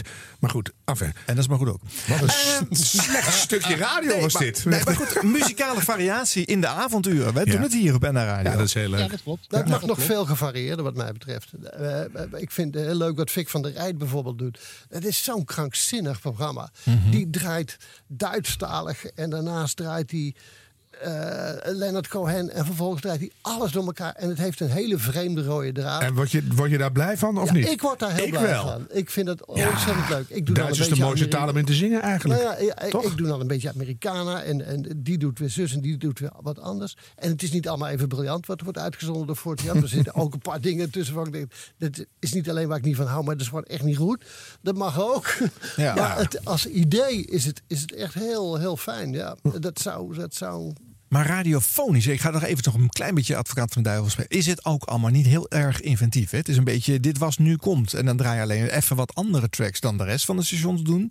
Maar moet daar niet een tandje bij? Moet daar niet een, een elementje aan toegevoegd? Er moet Zoals? moeite in. Moeite Zoals? moet erin. Moeite. Zoals- Ja, nou ja, je moet een wat speelser eh, idee gaan bedenken. Misschien er wat langer op monteren. Niet alleen maar in een studiootje gaan zitten en die tracks achter het is elkaar draaien. liefdewerk, oud papier. Ja, eh, ja. en Nee, maar niemand dat- krijgt daar ga je weer, ja. voor. En ik Staan wij hier ook voor onze eigen lol te En doen, ik heb mezelf voorgenomen, eh, het kost mij een halve dag in de week, twee uur voorbereiding, twee uur eh, dat presenteren. Meer kan ik er gewoon niet in stoppen. Ik zou daar heel veel graag en nog liever interviews doen, mensen naar de studio laten komen. Verzin het allemaal maar. Ik sta te popelen, maar ik heb, eh, sorry, ik moet gewoon geld verdienen. Dus meer dan een halve dag in de week eh, kan ik er niet aan besteden. Ehm, eh, ja. Nou ja, het is niet helemaal. Ik snap wel wat je bedoelt. eh, maar het is in ieder geval een poging van Harry de Winter, waar ik hem dankbaar voor ben. Om eh, radio de ruimte te geven. Om presentatoren de ruimte te geven om te doen en te laten wat zij willen. Ja. En nooit te zeggen: dit mag je niet draaien, dit moet je draaien. Nee, maar dan voel je hem ook, Mark, dat als er dan niet genoeg geld in zit, zodat jij gewoon een dag aan je programma kan werken en goed betaald krijgt, dan kom je toch op iets uit waarvan je zelf leuk om te draaien. Maar heeft Arjen wel een punt. Daar moet gewoon eigenlijk geld bij om er mooie radio van te maken. En dat is ook het probleem. En daar je het dan weer. Dat is waar. Dat ja, is waar. en dat is jammer, want dan lijkt het weer zo. Nou, leuk, oudere heren hebben een, nog een hobby. En dat, daar kan ik zo bij gaan zitten. Dat is het ook. Nee, maar dat, maar dat is het niet. Nou ja, het zou kunnen Dat zou het niet moeten zijn. Nee, want we hebben Het nu zou- allemaal een pleidooi voor echte radio. Mooi gemaakt, daar heb je ideeën over. Maar ik mogen jongelui, ben ik ook heel, heel geïnteresseerd in. Hoe zouden die dat nu doen? Zonder alleen maar te babbelen boniën de hele dag. Daar word je gek van. Dus denk eens na over wat je doet. Geef het vorm op jouw manier. En dat wil iedereen dolgraag horen. Maar het is er niet. Mag niks kosten. Nee, het mag niks kosten. Nee, het is verschrikkelijk. Dus, Nou, ik zal, eh, dan ga ik nog een kleine aanvulling doen. Ik heb een eh, tijdje bij Kink FM gewerkt, wat ook een station Ja. was, wat vanuit muzikale liefde wordt gemaakt. Dat deden we echt allemaal voor een appel en een ei. Eh, maar je merkt dan ook dat de respons eh, dat toch wel beperkt blijft. Het is een klein cirkeltje. Ja, ja, ja. En eh, zeker nu online erbij is gekomen, hè, je streaming alles kan krijgen over de hele wereld, is radio geen muzikale gids meer. Tenzij je er iets aan toevoegt wat je op, eh, door de duiding, door jouw personality, door een bepaalde vorm van entertainment eromheen, je mensen mee kan krijgen. En dan gaan ze jou geloven, dan willen ze jouw smaak volgen. En dan kan je nog het verschil maken. Maar dat, die, die shows die zijn op één hand te tellen. Of dat je gewoon elke dag iemand eh, om zeep helpt in je programma. Zo, dat, dat soort dingen heb je nodig. Maar er zijn natuurlijk nu zoveel radiostations, net als er te veel televisiestations zijn, zou ik maar zeggen. Ja. Dat je nooit meer dat gevoel kan krijgen van iedereen heeft naar Frits Spits geluisterd. Die draait Nee, een dat- liedje dat vijf keer terug. en daarom is het een hit. Ja. Dat kan gewoon Nee, niet dat meer. komt nooit en misschien hoeft dat ook helemaal niet zo. Nee. Maar wat wel interessant is, vind ik, is dat je die podcasts worden steeds belangrijker. En daarmee bedien je een heel bepaald publiek die van een dingetje houden. Mhm. Eh, en dat zijn er misschien niet eh, de miljoen van vroeger. Dat zijn er dan de 10.000 van nu. Maar die 10.000 doe je wel een gigantisch plezier. Dus het gaat heel erg de diepte in. En ik denk dat de, de, de, de, de toekomst van radio ligt, ligt voor een groot gedeelte daar. Dat mensen bediend willen worden. Wat vind ik leuk? Ik, ik wil dit horen op dit moment. Ik wil nu naar sport luisteren. Dat is er. Ik wil naar nieuws luisteren. Dat is er nu. Ik wil naar Amerikanen luisteren. Ik wil naar jazz luisteren. Het is er. En ik kan het luisteren wanneer ik wil. Ik wil naar een eindeloos gesprek luisteren over live muziek op de kan, radio. dat kan. Nou, nou gelukkig is je het nu er. aan het doen. We zijn al gewoon Je bent al na- twee uur naar aan het luisteren. Precies. ja, dat, dat, dat is wel het, weer een nieuw leven van radio. En Ja. dat vind ik wel. eh, Dat is leuk, hè? Het Dat vind ik ook. fascinerende van radio. ja, Hè? ja. Radio begon en, en toen kwam er film. En toen dachten ze, nou is het einde van de radio. Ja. De radio ging lekker door. Er kwam bioscoop, er kwam televisie, er kwam van alles en nog steeds meer. En de radio vindt steeds weer een maniertje om, om te overleven. Ja. En blijft die kracht houden. Vind En ik het, eh, fascinerend. ja, en nu komt het eind van de planeet. Maar de radio gaat gewoon door. Gewoon door. Dat is het laatste signaal wat op aarde te horen zal zijn. Dat is toch onvoorstelbaar dat het al honderd jaar doorgaat? Ja, dat is absoluut zo. Ja, leuk is dat. Dat Ja. meen ik serieus. Ja, ja, ik, snap- ik zie het aan je. Ja. Maar ik vind ook dat de podcast brengt een stukje terug van de radio die we verloren zijn in de, eh, nou, in de fase dat er steeds meer commerciële radio bij kwam. Dat er formatcultuur kwam. eh, Ja. de, de platgeslagen Ja. eh, gelijkschakeling. Slechts duizend liedjes in de rond te draaien. Dat is Ja. waar wij nu al een jaar of 20, 30 mee worden geconfronteerd. Ja. En eindelijk zien we nu door die podcast, door internet, een nieuw distributieplatform. Dat die verdieping, die inhoud, die specialismes weer terugkeren. En weer een platform vinden. Want de behoefte is nooit verdwenen. De documentaires komen gewoon Ja, weer terug. ja, we noemen het een podcast. En iedereen vindt het weer geweldig. Maar zelfs op Mijn- tv komen ze nu weer terug. Het is er niet te geloven. De Staple Singers. Ik zet met tranen in mijn ogen zitten kijken. Weet je, ja, maar dat, je hebt gelijk. Dat, dat komt, het, er is een counter- kentering gaande. Ja. ja, omdat het eh, in één keer weer hip en nieuw is. Omdat het een podcast is. Omdat je het op je telefoontje kan afluisteren. In je auto, op je koptelefoontje. Als je in de trein zit. Maakt allemaal niet uit. Je krijgt een waanzinnig verhaal voorgeschoteld. Ehm, eh, wat mooi is gemaakt. Waar, waar, nou ja, dat, dat is gewoon weer een nieuwe vorm. Eh, weer een nieuw leven van radio. En het is geen radio zoals wij het vroeger kennen. Op dat moment wordt het uitgezonden. en Dan mag je het horen. Ja. Dus sommige mensen zeggen: het is helemaal geen radio, het is podcast. Ja, vind ik allemaal zo'n gezeur. Ja, het is audio, het is Noem geluid. het iets, noem het iets. Maakt mij niks uit hoe je het noemt. Maar Ja. het is eh, de audio die een manier heeft gevonden om weer een nieuwe weg in te slaan. Nou, briljant toch? Ik maak al 14 jaar podcast en ik vind het heerlijk. Jij zegt dat het is nieuw, maar het Nou heeft ja. gewoon ontzettend lang geduurd voordat het is doorgebroken. Wat super stom is, maar nou is het eindelijk gebeurd. En nu zie je dat het eh, eh, nou, een beetje vlot getrokken wordt. Nou ja, het Heerlijk. wordt ontzettend vlot getrokken naar mij. Eh, al vlot, toch? podcast in de wieg. Van alle, ik, lulde de hele dag maar door. Maar Ja, verder heeft hij niet opgenomen. Nee. Dat is misschien wel goed ook. Ja, dat is heel goed. Dat is een juiste constatering. Jongens, we zijn een prachtig verhaal en een pleidooi over, eh, over, eh, over de mooie dingen van, eh, van radio en audio aan het doen. doen. Het is bijna gek om weer terug te gaan naar die fragmenten. Gaan we nog, eh, gaan we nog meer van die dingen laten, laten horen? Nou, of, doe eens eh, iets recents. Want iets rec- je hebt een beetje Wat veel... slaan we allemaal over als we het niet doen? Ah, nou ja, Mark's oeuvre. eh, Dat moeten we zeker horen. Ja. Leidse Kade live, mensen. Ja, ik wil Oh, ook jee. nog wel even Countdown Café memoreren. Onder andere omdat het zeker. weer te horen is op NA Radio. Mag ik het één keer zeggen? En dat Kees daar gewoon met ook heel veel liefdewerk en oud papier ontstellend veel moeite in stopt. Dat doet hij wel. Elke week die bandjes eh, daar bij de Q te laten spelen. Respect voor Kees. Meen ik serieus hoor. Dat hij dat allemaal zo eh, eh, op zijn eentje weet eh, te doen. Ja. Echt, echt goed. Sluit Ja. er dan graag mee aan, ja. Ja, ja, en regelt het van A tot Z. En, eh, Ja, eh, dat is, dat is onvoorstelbaar. Ik had er vroeger drie man voor een dienst. Ja, en, en maar Kees heeft het ook meegemaakt. Hè? Grote Ja. budgetten, veel mensen ter ondersteuning. En nu, eh, nou ja, maar je- en dat, hij wil het toch. En dat, wat- dat ga ik toch nog even zeggen, Mark. Want jij zegt van ik kan maar een halve dag aan zo'n programma besteden. Maar aan dit programma, wat wij ook voor de Liefdeweek Oud Papier maken. Hè, dit valt buiten onze reguliere werkzaamheden. En dat klinkt dan als een Daar steken wij hè? dagen energie in. Nou Het kan wel, hè? Jij. Ja. Jij bereidt alles voor. en ik kom dan ook. Nou, dat vind Nee, ik maar al... jij hebt de- En Kees ja, wil maar dat sorry, ook. Het maar kan jij dus wel. ja, nee, het kan niet. Want jij hebt de vaste baan. Je hebt gewoon een vast inkomen. Ja. En ik moet voor elk uurtje... Nou ja, vast. In de omroep heb je nooit een vaste baan. Nou ja, maar ik, ik moet gewoon eh, werken. Ik moet gewoon geld verdienen. Waar verdien je op dit moment je geld mee dan bijvoorbeeld? Ja, dat vraag ik me ook af. Mark heeft net een ik mooi boek over ik muziek heb een geschreven, boek jongens. geschreven en ik doe muziekreis, neem ik mensen mee en ik geef lessen en ik ben van allerlei duizenden en één dingen aan het doen. En eh, ik heb die tijd hard nodig om, om die kindertjes eten te kunnen geven. Ah, die- hoezo? Die zitten er al lang de deur uit. Wel nee man. Hoe heb jij je vierde leg bezig of zo? Ja. Jongen, jongen.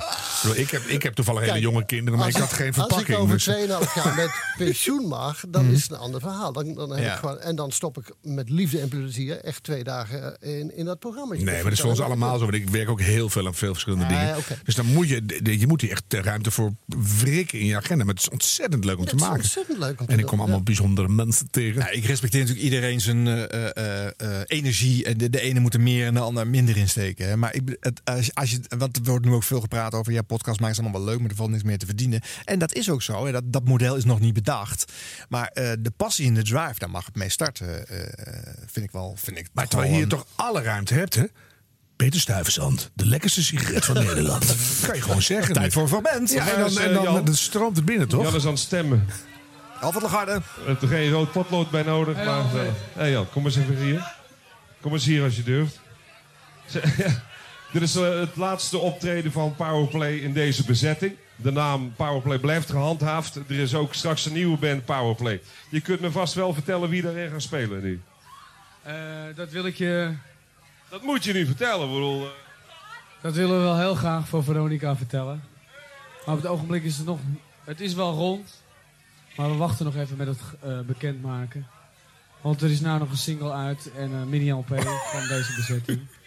En dat willen we niet eh, in de war brengen. Oké, nou goed. Maar die bezetting die komt er wel. Weet jij het ook niet, eh Leon? Goedenavond. Oké, we hebben het weer niet eh, uit ze kunnen trekken, maar het wordt ongetwijfeld via Veronica bekendgemaakt. Als wij dat weten, weten jullie het ook. Jongens, tot 12 uur op de radio. Powerplay live! Voor deze week een speciale keyboardjongen aangetrokken. Wie is dat? Dat is eh, Edwin Schimsheimer. Een gigantisch talent heb ik gehoord. Edwin Schimsheimer op keyboards. Powerplay! Ja, Countdown Café eh, werd op vrijdagavond tussen 10 en 12 uitgezonden op eh, Hilversum 3. En dat was ook een soort eh, inloopcentrum voor alle Veronica-jocks en alle pluggers. Hè, die daar allemaal deeltjes aan het sluiten waren met Lex Harding die aan de bar zat. En Alfred die had ook al lekker ingedrongen voordat die show begon. En er werd er een lekker rommelig programma gemaakt waarvan volgens mij de, de, de promo het belangrijkste was. Om overdag te kunnen vertellen dat je s'avonds live muziek Aha, uitzond. ja. Want de luistercijfers waren helemaal niet goed. Maar dat maakte niet uit. Het was gewoon, het hoorde erbij en je had het ook. Ja. Nou ja, een titel die nog steeds bestaat, dus met eh live Het muziek was, op de het radio. was hè? eh, de, de taak vond men toen van de publieke omroep. Ja. Eh, om dat te doen. eh, dat, ja, dat, is- dat is nog steeds zo. Dat veel meer de taak. Het gebeurt nog wel. Ik bedoel, Radio 2 is natuurlijk nog een live muziekprogramma. Ja, en muziekcafé. en 's morgens, eh, er zijn echt nog wel dingen.